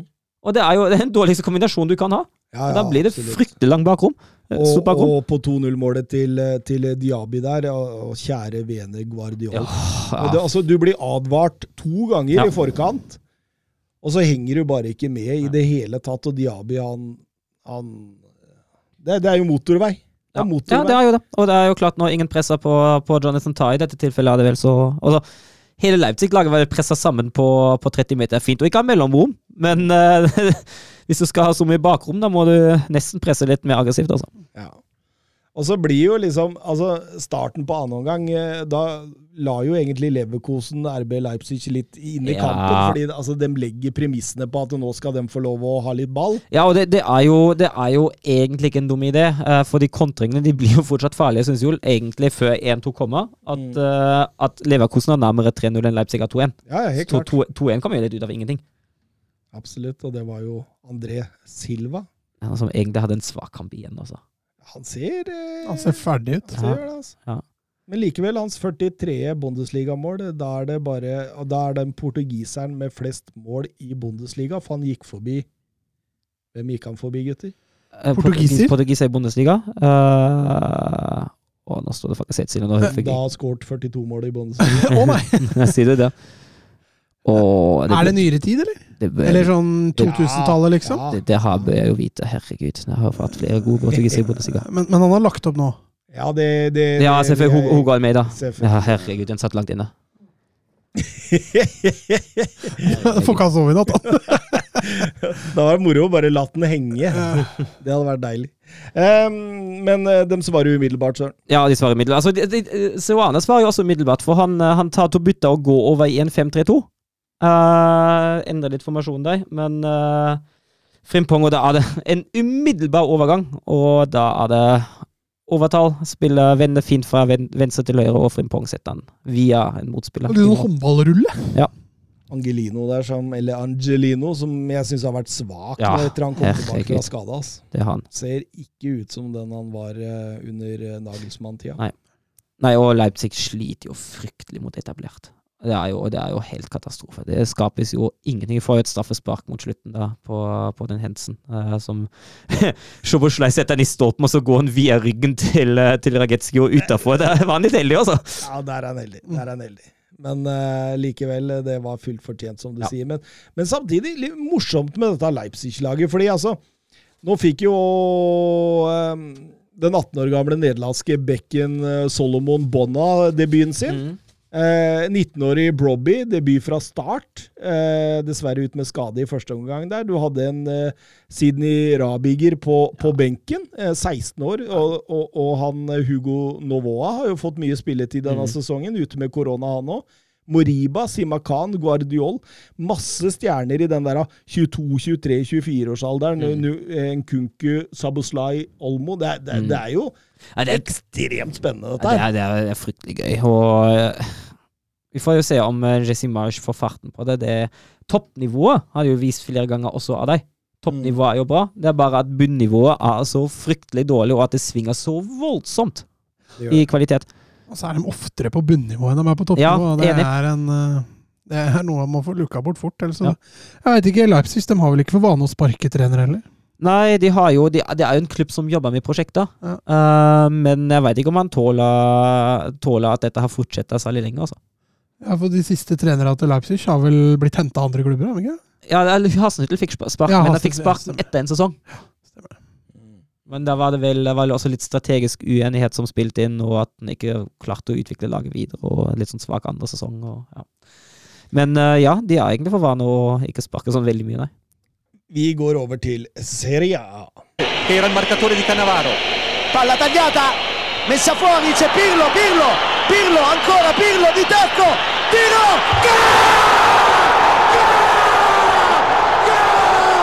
Grosso, Grosso, gol di Grosso, gol di Grosso! Ja, vi kan begynne med Juventus eh, Atalanta og eh, Allegri tilbake i 4-4-2 etter 17 minutter i 3-4-3 mot Lazio sist. Det tryggeste ofte det beste, vil jeg si. Ja da, og det var det jo var det jo ikke, da. Ble fillerista på brua i midtuka òg. Ja, de eh, fikk vel med seg en god dose minus på selvtillit på, på den sida der, men eh, jeg syns jo Juventus er det beste laget i den matchen her. Den produserer ganske mye Dybala, syns jeg er ganske frisk. Han, han mangla bare målet i den kampen her. Så er det jo en eh, delikt som ligger feilplassert eh, som fucker opp, eh, fucker opp der. Ja, og da delikt fucker opp har hadde jo Toloi, som, som har vært opp med en nydelig takling i Grevens tid mot uh, Chiesa i den andre enden. Ja, stemmer. stemmer. Men Atalanta er strålende defensiv. Altså. De, de står og blokker, de dekker rom, de, de, de vinner dueller. Vanskelig for Juventus likevel, selv om de har et lite overtak, å, å produsere noe helt uh, stort. Altså, Jim City, Demiral og Toloi baki der, de står så jækla Ja, men bra. den, eh, blokken til Toloi som Søren nevner der, fytte grisen for en verdensklassetakling. Altså. Ja, altså, du ligger etter Chiesa i en løpsduell. Allikevel greier å rekke fram og blokke. Mm. Ja, det, det var klasse, altså. enormt. Og jeg, jeg syns jo på mange måter at eh, Altså, Atalanta skårer vel omtrent på det eneste de har Ja, i, ja. i første omgangen der, men, eh, Ja, du har, jeg så bare at jeg har én til før slutten, da. Ja, stemmer, stemmer. Men uh, Nei, det Det vil seg ikke for Juventus, altså. Nei, eh, nå spiller de jo i dag, og da leder de. Mot Salerniterna? Er Den, den må Stefan de jo nesten vinne òg, da. Stefan Strandberg Jeg vet ikke, Jeg sjekka ikke om han spilte, men det gjorde han kanskje. Vant, de leder 2-0 nå. Leder dem 2-0. Dybala skåra. Og Dybala var jo på en måte i denne kampen også det Altså, jeg, jeg syns nesten litt synd på Dybala i Juventus nå, fordi det er liksom sånn All kreativitet må gå gjennom han. Mm. Det er liksom Det er ingenting annet kreativt der i det hele tatt. Altså, de har et visst initiativ i kampen gjennom hele kampen, men de har ikke den som åpner den opp. og det, det, det, Ballen går til Dybala, og så er det eh, tre-fire spillere på Dybala hver eneste gang. Og Jeg syns McKennie var ganske frisk. Jeg syns det? Mm. Jeg syns han drar med seg mye Altså ikke, kreativ, ikke kreativt messig, da, Nei, nei. Men, men det å dra med seg ball eh, Han er hurtig når løper med ball, det er vanskelig å ta fra han. Men eh, det blir jo ikke noe farligheter ut av det. Nei, absolutt. Du har jo det der. Til slutt da, så banker jo Dybala inn i tverrleggeren. Ja, det er på ja. Mm. Men, eh, men eh, det, det, det, de, de sliter med rytme, de sliter med kreativitet. de sliter med, altså det, det, det- er, Noen ganger så er det akkurat som å se Atletico Madrid mot lavtliggende forsvar. Mm. Mm. Det blir litt av det samme. at det, det, det, det skjer ikke noe, men man prøver og prøver. og Jeg tenker Allegri han må jo rive seg i den manken han ikke har. Det, det, det, det, dette her er Tror du han har kreativitet nok til å løse dette? Altså Allegri? han må, ja, men han må ha et overgangsvindu eller to på seg. Men Juventus har jo ikke penger. Nei, er- det, det, det. Og, og nå, da, som Jørgen B. Ready Nystuen spør oss på Twitter, hva tenker man om at Juventus nok en gang har hovedrollen i en skandale i Serie A 15 år etter Calciopoli? Og dette gjelder jo denne Ja, det gjelder flere overganger. Var det, var det nesten 50 overganger som var under etterforskning? 42 Ja, overganger. 42. Eh, Juventus, Napoli, Roma, Genova, Atalanta og Sampdoria eh, blir alle, alle etterforska for å ha solgt spillere eller kjøpt spillere. Altså solgt da i en større sum Altså meldt inn en større sum enn det de har solgt den for. Og kjøpt for en lavere sum enn det de har solgt den for, bl.a. for å lure FFP. Og, og blant annet overgangen til Christian Romero. Ja, byttehandelen mellom Arthur og Ja, ja. Eh. Cancelos overgang og Oshimen eh, er jo under eh, etterforskning nå. Og eh, i så fall så kan de bli straffa, og det, det, det kan til og med bli poengtrekk og bøter her, altså. Ja, hva man tenker om det, altså. Jeg har jo Det er det Juventus trenger nå. Litt jeg poengtrekk. jeg Juventus er jo er en klubb jeg må innrømme jeg ikke har sånn veldig mye sans for. Uh, og det skyldes jo også det skitne spillet. Det skyldes at de fortsatt feirer som om de har de to seriegull som de har fått anerkjent. De mener jo at de har de fortsatt, så de regner jo de med når de Ja, vinner etter et de seriegull. Calciopoli-seriegulla. Mm, ja. Eh, og det hele, den kombinasjonen der gjør Juventus til en uh, forholdsvis usympatisk klubb på den, front, på den uh, sportsligheten, fair play-fronten. Ja. Begge kontorene deres, både i Torino og Milano, ble raida av italiensk Interpol nå, så Mm. det blir spennende å se hva, hva som er i enden av dette. Det tar nok litt tid før vi får en dom, men det er jo ikke superoverraskende at dette skjer i Italia heller. Altså, det, var, det var Italia eller Spania. Eh, det hadde ikke skjedd i Tyskland lenger. Sannsynligvis ikke. Men, eh, og, og, at det er Altså, det er, det er jo ikke noe eh, det er jo ikke noe røyk uten ild, holdt jeg på å si. Det, Det er vanskelig å få til, det. Ja, så det, det, det, må jo, det må jo ligge noe i dette, tenker jeg. Så det, nei, det blir spennende. Um, Venezia-Inter. Uh, Totaloverkjøring gjennom hele kampen, vil jeg si. Ja. Uh, var først litt ut i annen omgang. Uh, Venezia prøvde seg. Da lå de Ja. allerede under 1-0. Ja, og da, da blir det jo store rom til, til Inter på kontringene, og en av dem utnytter dem til å, til å avføre. Men uh, fint langskutt mål av Celanolo eh, ti minutter før pausen, da. Hans 26. mål utenfor boks Mm. siden 13-14-sesongen, da han begynte å spille i topp fem-ligaene. Og det er kun Lionel Messi som har flere mål utafor boks enn han siden denne perioden. Eh, litt funny. Eh, han ligger likt med Christian Eriksen på 26 i topp fem-ligaene. Dris Mertens på 25. Coutinho på 24. Messi på topp med 61. Han er like mange nesten som de, som de tre har bak til Det sammen. er ganske heftig, for å si det sånn. Men apropos langskudd, da, denne Matia Ar Aramu. Han Ja. hadde også en Ah, ja. voldsom venstreslegge. Mm. Var, eh, det var, det, det, altså, den redningen Handanovic gjør på det ene skuddet der, Ja, det er den sterkt. heftig. Den er altså. sterk. Det er topp ti-keeper. det er- Er du ikke enig? Topp ti-keeper i verden Nei. med den redninga? Ja, altså redningen er Men uh, han har jo ikke vist det over de par siste sesongene. At han Nei, men du skal jo ene kriteriet er jo karrieren. ja, Ja, men altså, selv om du har vært en kjempegod keeper, så har du bare middelmådig, så skal du fortsatt ikke havne der, da. Jo, På karrieren, så. Nei, altså, vet du hva. Apropos en som imponerte, da. Ja. det var jo denne Di Marco. Altså, han har jo vært på utlån i Hellas Verona i halvannet år nå. Eh, har kommet tilbake foran denne sesongen, spilt litt venstre wingback. Nå var han eh, venstre stopper, med liksom frihet på å gå fram og skape ubalanse. Voldsom energi i spillet sitt, voldsomt god offensivt. Eh, kun 24 år, så her har Inter eh, virkelig en venstre wingback skråstrek stopper i lang tid framover, Mats. Mm. Så er det kult med Bastoni at han også får en annen rolle. Litt Mm. mer sentral. Det kan han også tjene på, tror jeg. Absolutt. Eh, Annenomgangen var jo litt som første. Altså det, det blir større rom, som du sier, pga. at Venezia prøver å gå fram. De dytter til og med Dennis Johnsen inn i, i miksen der. Men eh, det ender jo til slutt med Det blir jo ikke helt farlig. Inter har jo full kontroll bakover. Ja da, ja da. Dette her eh, var bare snakk. Ja, det er egentlig litt merkelig at det bare står 1-0 Mm. fram til straffesparket på overtid der, som Lartardo Martinez eh, setter i mål, sender Romero feil vei, og da, da vinner eh, Inter eh, 0-2. Og eh, det var veldig kjekt for dem, fordi i neste kamp vi skal gå gjennom mellom Milano og, og Sassolo, så er det en eh, annen rival oppe i toppen der som virkelig gikk på en blemme. og den kampen Milan gjør her, den var nesten litt skremmende.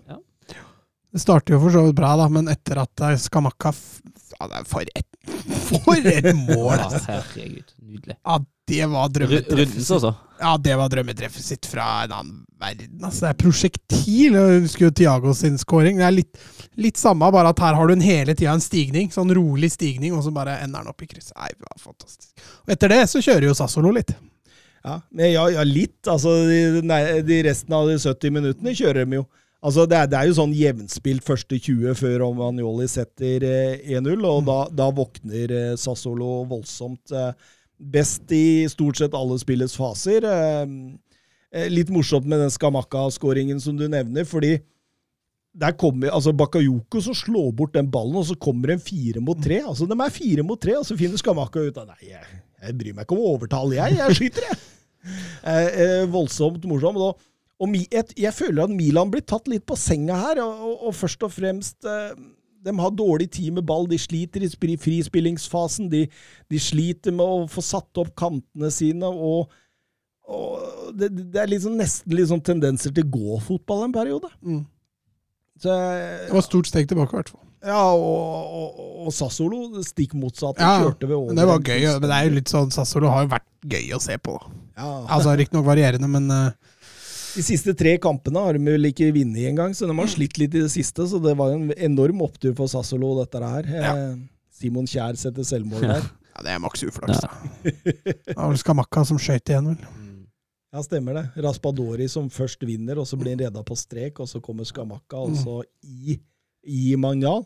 Ja. Tilbake Ja, i Kjær, altså. Får ikke gjort noe med. Altså. Eh, Men, eh, men Milan sleit voldsomt med Skamakka, Raspadori og Berardi. Det blei rett og slett for mye, Søren? Ja, Det ble faktisk og og nevnte Berardi skårer jo, skår jo tredje målet. Etter halvspilt eh, som Andre omgang. hva er det som sklir her? Tomori? Nei, eh, du tenker på i den én-mot-én-situasjonen inne i boks? Nei, ikke Tomori. Det er Bakayoko. Nei, nei, nei. nei. Som, som sklir Ja, fordi i- det bare er de setter blir satt opp to mot én.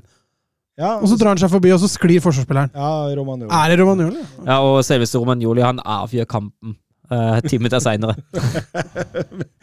med å få direkte rødt kort yep. etter å ha fått et gult et. Og da er de over. Da er det ferdig. Nei, det var det på tre nå.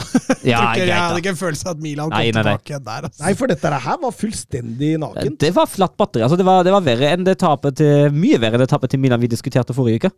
Og de som var så høyt oppe etter Atletico. Madrid-seieren. Ja.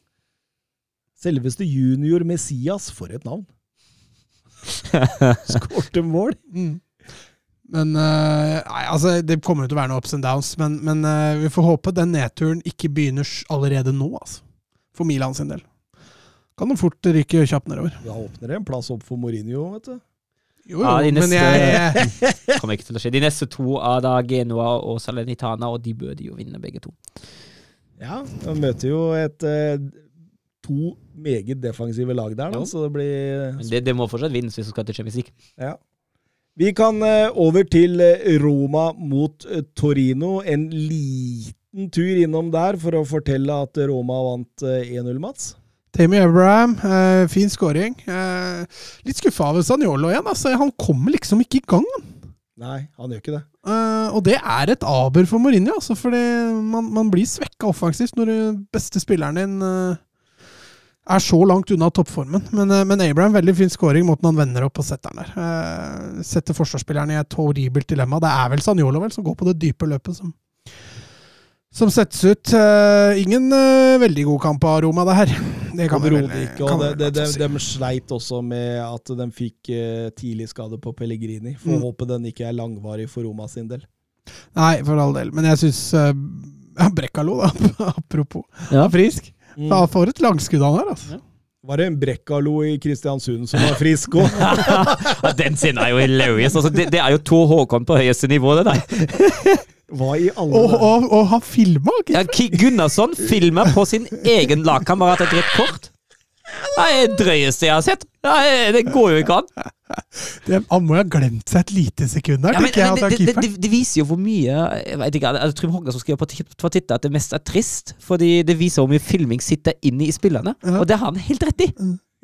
Her må jeg ned! Ja, Og så bare Nei, fader, han er jo på laget mitt! Og det uttrykket når han går i slow motion ned der, Ja. da ser vi ut som eh, Skrik. ja altså, altså Brekkalo er er jo idiot for å dytte til egen keeper, og det er jo greit nok, men keeperen skal ikke filme på at han har blitt slått i trynet og blir dytta bitte, bitte litt i brystet. da. Det var, Den, den, den er spinnvill, ass. Den er spinnvill. Ja, den er helt ja, sjuk. verden, han går vel eh, sin seiersgang i verdens Ja, jeg så b- b- b- altså jeg følger den eh, football shithousery på, på Twitter. Den er ganske morsom. Den har vel hatt en episode med den, til og med fotball har hatt en episode med den på Twitter. Helt fantastisk. Det ler seg i Eliteserien òg. Ja. ja, det var fantastisk morsomt. Det er liksom, du, har, du har sånne situasjoner i Eliteserien som det, det skjer nesten ikke andre steder. Som eksempel at dommeren dømmer offside på tilbakespill fra Eller at Jone Samuelsen header i mål. Fra, Ja, det er bare nordmenn som har den nakkemuskulaturen. Husker dere da han, eh, han Sasha Burkhardt som sto for Vålerenga, som slapp inn eh, målet fra han eh, startkeeperen på Ullevål på frispark fra midtstreken? Eh, står jo for, eller er jo keeper i Furt nå, han har mista plassen der. Men, ja, det er, det er sånne situasjoner. Og Håkon Oppdal, det var det ikke? Ja, Håkon Oppdal, sant det. Det var han som skåra. Ja, ja, Mjelde som banker Ja, på- tilbake på Åråsen. Stefan Logi Magnusson, ja. Også, også og så Olitsjevskij, som er kjempesur og ikke vil slippe inn. Ja, Det, det, det, det, sånne ting. Det, det, er ikke som sånn man ser overalt. Nydelig. Er. Eliteserien har det. Ja, den er faktisk litt deilig. Den er det. Eh, en liten tur innom Napoli-Lazio, der Napoli vaska gulvet med Lazio. Sliter voldsomt med Altså, høy, altså toppnivået til Lazio er strålende, og så har de noen bunnivå som ikke ligner grisen, altså. Ja, altså Leipzig 2, da. Ja, det, det kan godt være. Eh, Zielinski og to ganger Dris Mertens før det var gått en halvtime, og da var det jo egentlig kvelden. Det var, Og da følger faktisk Napoli og Milan ikke hverandre. Nei, nå, var de, nå skilte de seg litt ut. eh, og, og Inter de nærmer seg. Nå er det blitt en liten trio, eller fi, frio. Frio, ja. frio. Firer, firerbande. Kvartett. Kvartett, kvartett var, det ble, var det vi ble enige om å kalle det. Stemmer det. Eh, Med Atalanta der. Lite steg ned til, ned til Roma, men uh, all honnør til Napoli. Det kan fort holde hele veien. Dette. Ikke til seriegull, men i hvert fall til en topp fire. Ja. Ja, ja. Spennende, spennende. Eh, vi går over til eh, League Ø. sur la frappe de Messi de, De de Mercado, Mercado, oui. Mercado, et, et là aussi on a un petit peu de réussite. Griezmann sur l'appui, c'était bien joué avec Giroud. Oh, Sylvain Oh, Sylvain, il l'a vu Oui. Kylian Mbappé Kylian Mbappé, il l'a vu Ça fait 4 Et ça fait peut-être un quart de finale pour l'équipe de France 68e minute Oh, la joie collective parce qu'ils ont tous jailli du banc pour aller saluer cette passe décisive géniale de Giroud et ce doublé pour Kylian Mbappé Ja, og der skal vi innom Sant Etienne mot eh, Paris Saint-Germain. Ja, og da er et forslag, altså. Jeg tenker at vi spiller inn en mal for PSG-kamper, og så bytter vi, klipper vi litt fram og tilbake, lagnavn og målskårer, og så har vi det liggende hele sesongen. Helt perfekt! Spare masse, spare masse tid. Spare masse tid, for dette har mye av det samme som Vindy sier uke fra inn og uke ut, Også. Men det var jo et skikkelig topp mot bunnoppgjør, da, fordi siden eh, Metz overraskende vant borte mot NIS på fredag, så var jo Sant igjen blitt bo, he- altså båndlag. Helt, helt i bånn. Og det var jo få som levna Claude Puyols gutter eh, noe sjanse i denne kampen, men eh, etter at eh, Mbappa har bomma på en sju-åtte sjanser, og, og Neymar eh, har satt en i kassa som eh, var offside, så, så er det jo faktisk Sant igjen som tar ledelsen. Ja, Deniz uh, Boanga som eh, setter en retur. Uh, når Donnarumma gir retur på, på et skuddforsøk. Det, Det var litt dårlig. Ja. det er dårlig, jeg er enig dårlig men nydelig loppball inn i boksen Mm. uh, mot uh, Er det Kazri der? Og så lang tid det tok for å bli godkjent. Ja. Det, måtte jo, det kom jo en snøstorm fra før, før de hadde blitt avgjort om det der, der var mål eller ikke. Uh, Sånn er jo VAR-verden blitt, da. og da er det ellevte gang i 2021 PSG blir liggende under med 1-0 i ligaen, og det er det høyeste antallet siden 2012. Og i 2012, det er året Før uh, Ja, det er da QSI Ja, ja. tok over. Ja, det er jo, det er jo helt sikkert som Vi har jo nevnt det så mange ganger før at uh, det PSG gjør, er like, uh, det er lite overbevisende, men de klarer Det var ikke til veldig overbevisende det målet på Etiad i midtuka heller. Nei, for så vidt. Men da møtte de jo At det, at det bare ble to igjen. Ja. Men da, da, da møtte de altså da møtte de riktignok et av Europas beste lag. De lagene de møter i league, og Jo. skal la ligge flere hakk under City, altså. Men PSG skal jo være Jo, jo, et lag i europatoppen. At, at de ikke er det, det er det ingen Altså, tvil de om. er ikke i nærheten av engang, og resultatet der ljuger jo veldig. Og det gjorde de jo egentlig i Paris òg, når Ja. de eh, vant. Ja, det gjorde det. Eh, men men den her, da, den presser jo på videre. Det er jo, du får jo virkelig sånn David mot Goliat-feeling når, når du ser eh, kampen, og at eh, Mbappé ikke er på skåringslista i første omgang. Der, der, Ja, det er nesten- helt sykt. Det er, det er helt vilt, faktisk. Han har så mange store sjanser han brenner. Men Etienne Green, vet du. Ja, han var bra. Han var bra. Én mot én, i hvert fall. Mm. Men uh, så kommer et rødt kort, og vil du uttale det navnet, eller? Søren? Kolo. Kolo? Kolodziedziak. ja. Uh, den er feil! Det er ikke rødt kort! Nei, det er ikke rødt kort. Det er ikke bakerste mann. Ja, så er det vel et ærlig forsøk på å ta Ja, eller- eller- ja, det, det, det spiller ærlig forsøk på, på da ta spiller jo bare inn i boksen. Men hvis du Um, ser på Nadé sin posisjon, ja, det altså ikke bakerste mann. midtstopperkollega, så, så er jo Ja. han, han er jo både eh, dypere Ja. og På vei inn han er inn i, i, på vei inn i som sikring. Det eneste som kanskje kan ta litt for det, er at han, eh, han har foten Han takler meg veldig høyt i knehøyde på, på Mbappe. Uh, men jeg syns det er veldig strengt. Ja, den, den, den, jeg, jeg tror ikke PSG hadde fått den, for Nei, å si det, det sånn. tror ikke jeg heller, og det er jo det er som det er at de store lag dessverre har en bonus. Og påfølgende frispark. Ja, Da er det Messi som uh, assisterer Marquinhos, uh, som setter inn 1-1. Og da var det jo liksom på en måte de 43-44 første minuttene til Sant igjen som de faktisk altså hadde lagt grunnlaget for en ledelse med litt flaks og en god keeper. Bare spylt i dass og 1-1 og skal Ja, spille én mann mindre. Straffet Max av rødt kort og baklengs i samme situasjon rett Ja. før pause. Det er, det er bittert. Men, men, men samtidig, altså, med ti spillere blir Santet igjen altså, De blir jo mer forsiktige, men, men, men for de kjemper, blokkerer, duellerer og, og har jo en oppofrelse der som jeg tror uh, Claude Poel ikke har sett tidligere denne sesongen. Jeg har vel litt med motstanderen og anledningen å gjøre også. og Det er det som er litt uh, synd for Santet igjen. At ikke, at ikke de greier å dra fram dette oftere. Ja, ellers hadde, da hadde de i hvert fall Det var det jeg mener. For, for, for for ser spiller for spiller, så har jo Sankthet en bra spillere. Mm. De hører jo ikke hjemme i bånn. Nei da, og ikke historisk heller. Det er en flott klubb. Så det, er- det, men eh, det er one way traffic. Eh, Mbappa han fortsetter å bomme Ja, store Me- sjanser. Messi har jo også en gedigen Ja, der, som, han, som, ja, som han skal sette. Men eh, Messi ender jo opp med en assist-hat-trick til slutt. Ja, han gjør det, fordi han serverer Di Maria eh, på 1-2. Ja, og så Serverer han Markinius på 1-3. ti minutter før slutt så har Paris snudd. Og altså, man skal jo si at dette er jo fullt fortjent at de vinner. den. Det er jo det. Det er jo ikke noe tvil engang hvem som var det beste laget. Ja, men det, det var det etter første gang òg. ja, ja, ja. Enig. Men det er som Thomas sier, da hadde du fått 11 mot 11 i andre omgang der. Jeg tror fortsatt PSG hadde vunnet, Ja men, ja men håpet kanskje for en skrell hadde levd mye lenger, da.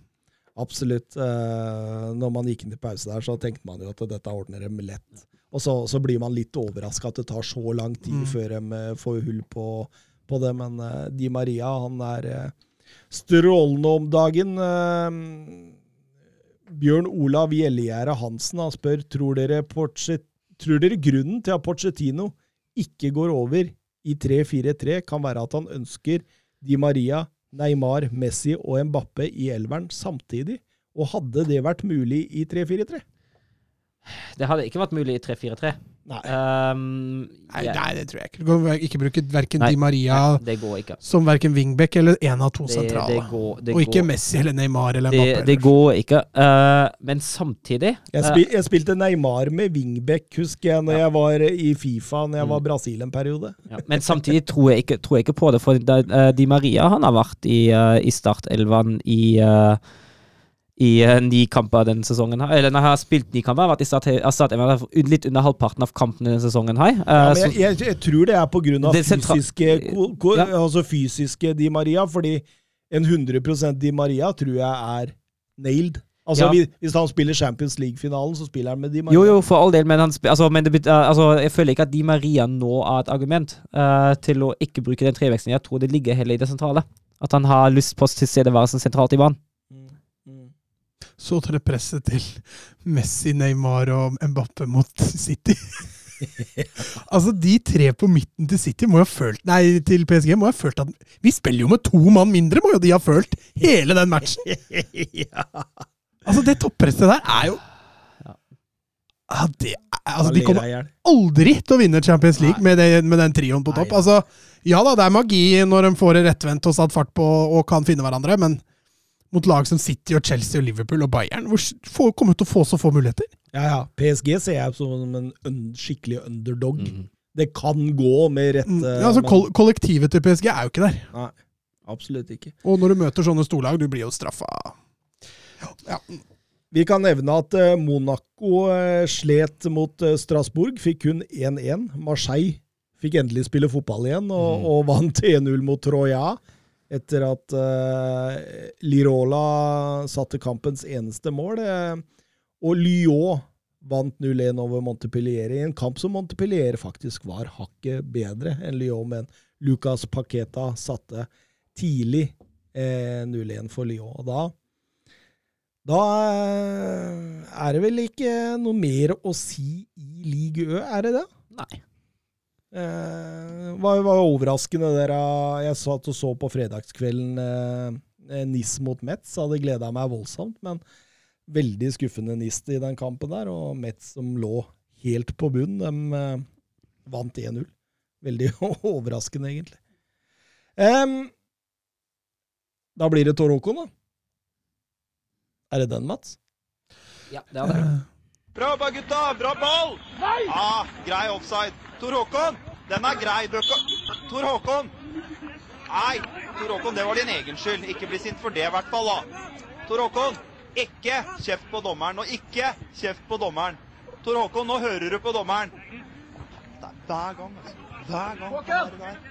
Skal vi begynne med Ajax denne Ja, jeg kan starte. Uh, Ajax hadde bortekamp mot Sparta Rotterdam. Uh, dessverre foran tomme tribuner i Nederland, for de har stengt ned. Uh, det var ikke helt det samme fyrverkeri som vi har sett tidligere denne sesongen. her. Ajax slet. Rotterdam veldig godt organiserte bak. Rotterdam veldig, veldig tett på, på motspilleren. Gode i presset i egen halvdel. Og Ajax manglet litt manglet litt den kreativiteten og det initiativet som de har vist, uh, har vist tidligere, var også uten uh, Sebastian Aller i den kampen der, og hadde ikke den samme tilstedeværelsen i boksen. Men er selvfølgelig det klart beste laget, er det førende laget. Um, kan jo nevnes at Spartas keeper, Maduka Okoya, han må ut etter halvspilt omgang. Han fikk seg en skade.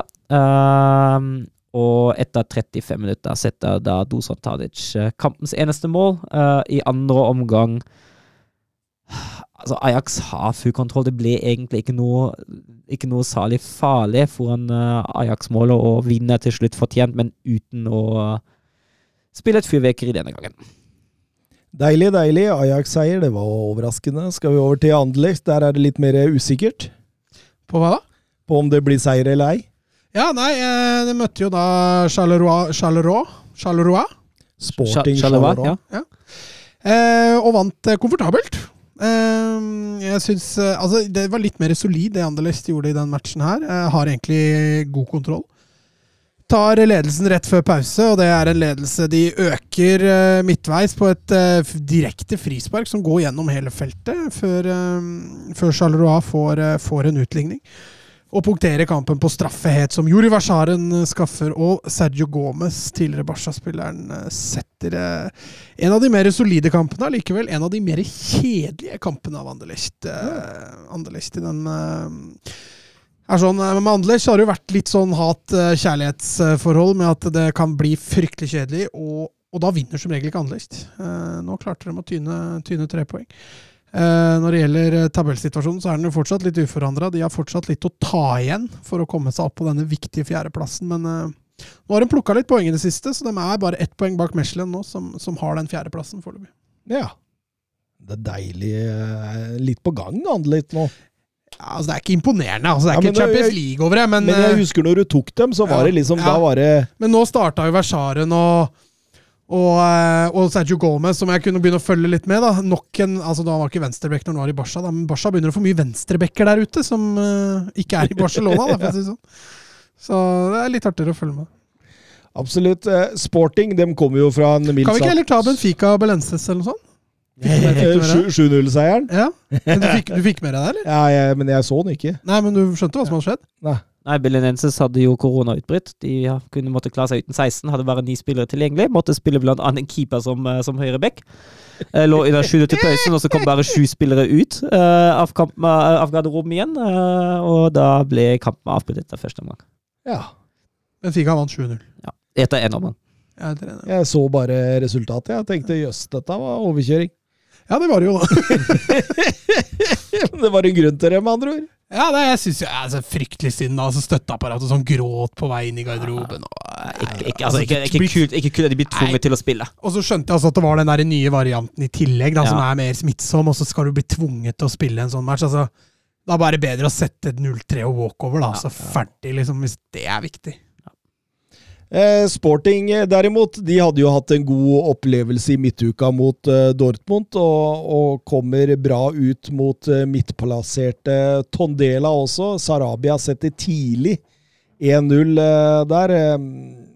Ser jo umiddelbart ut som han er i offside, men så kommer fra, nei, ballen fra en motspiller, og da setter han ballen fra skrått. og eh, Sporting har god kontroll i kampen. Eh, Paulinho setter 2-0 eh, etter å ha blitt satt opp av Pedro Gonsalves tidlig i annen omgang. og da, da det, kunne blitt flere mål også, men et ineffektivt Sporting og en god eh, Triguera i Tondela-målet var eh, mye av grunnen da, til at det kun var, blei 2-0. Dette var en bra kamp igjen av av Sporting. eh, Litt ferdig igjen med de der trauste 1-0-seierne. Og, og, og det, det har kommet etter at eh, Pedro Gonsalves har kommet inn i laget igjen. Han, han er en fryd, altså. Det er rett og slett en strålende fotballspiller. og Dermed, da, siden eh, som dere var inne på at Benfica vant 7-0, så vant også Porto sin kamp. Så det er helt status quo. Porto og Sporting på 32, Benfica på 31, og så er det hele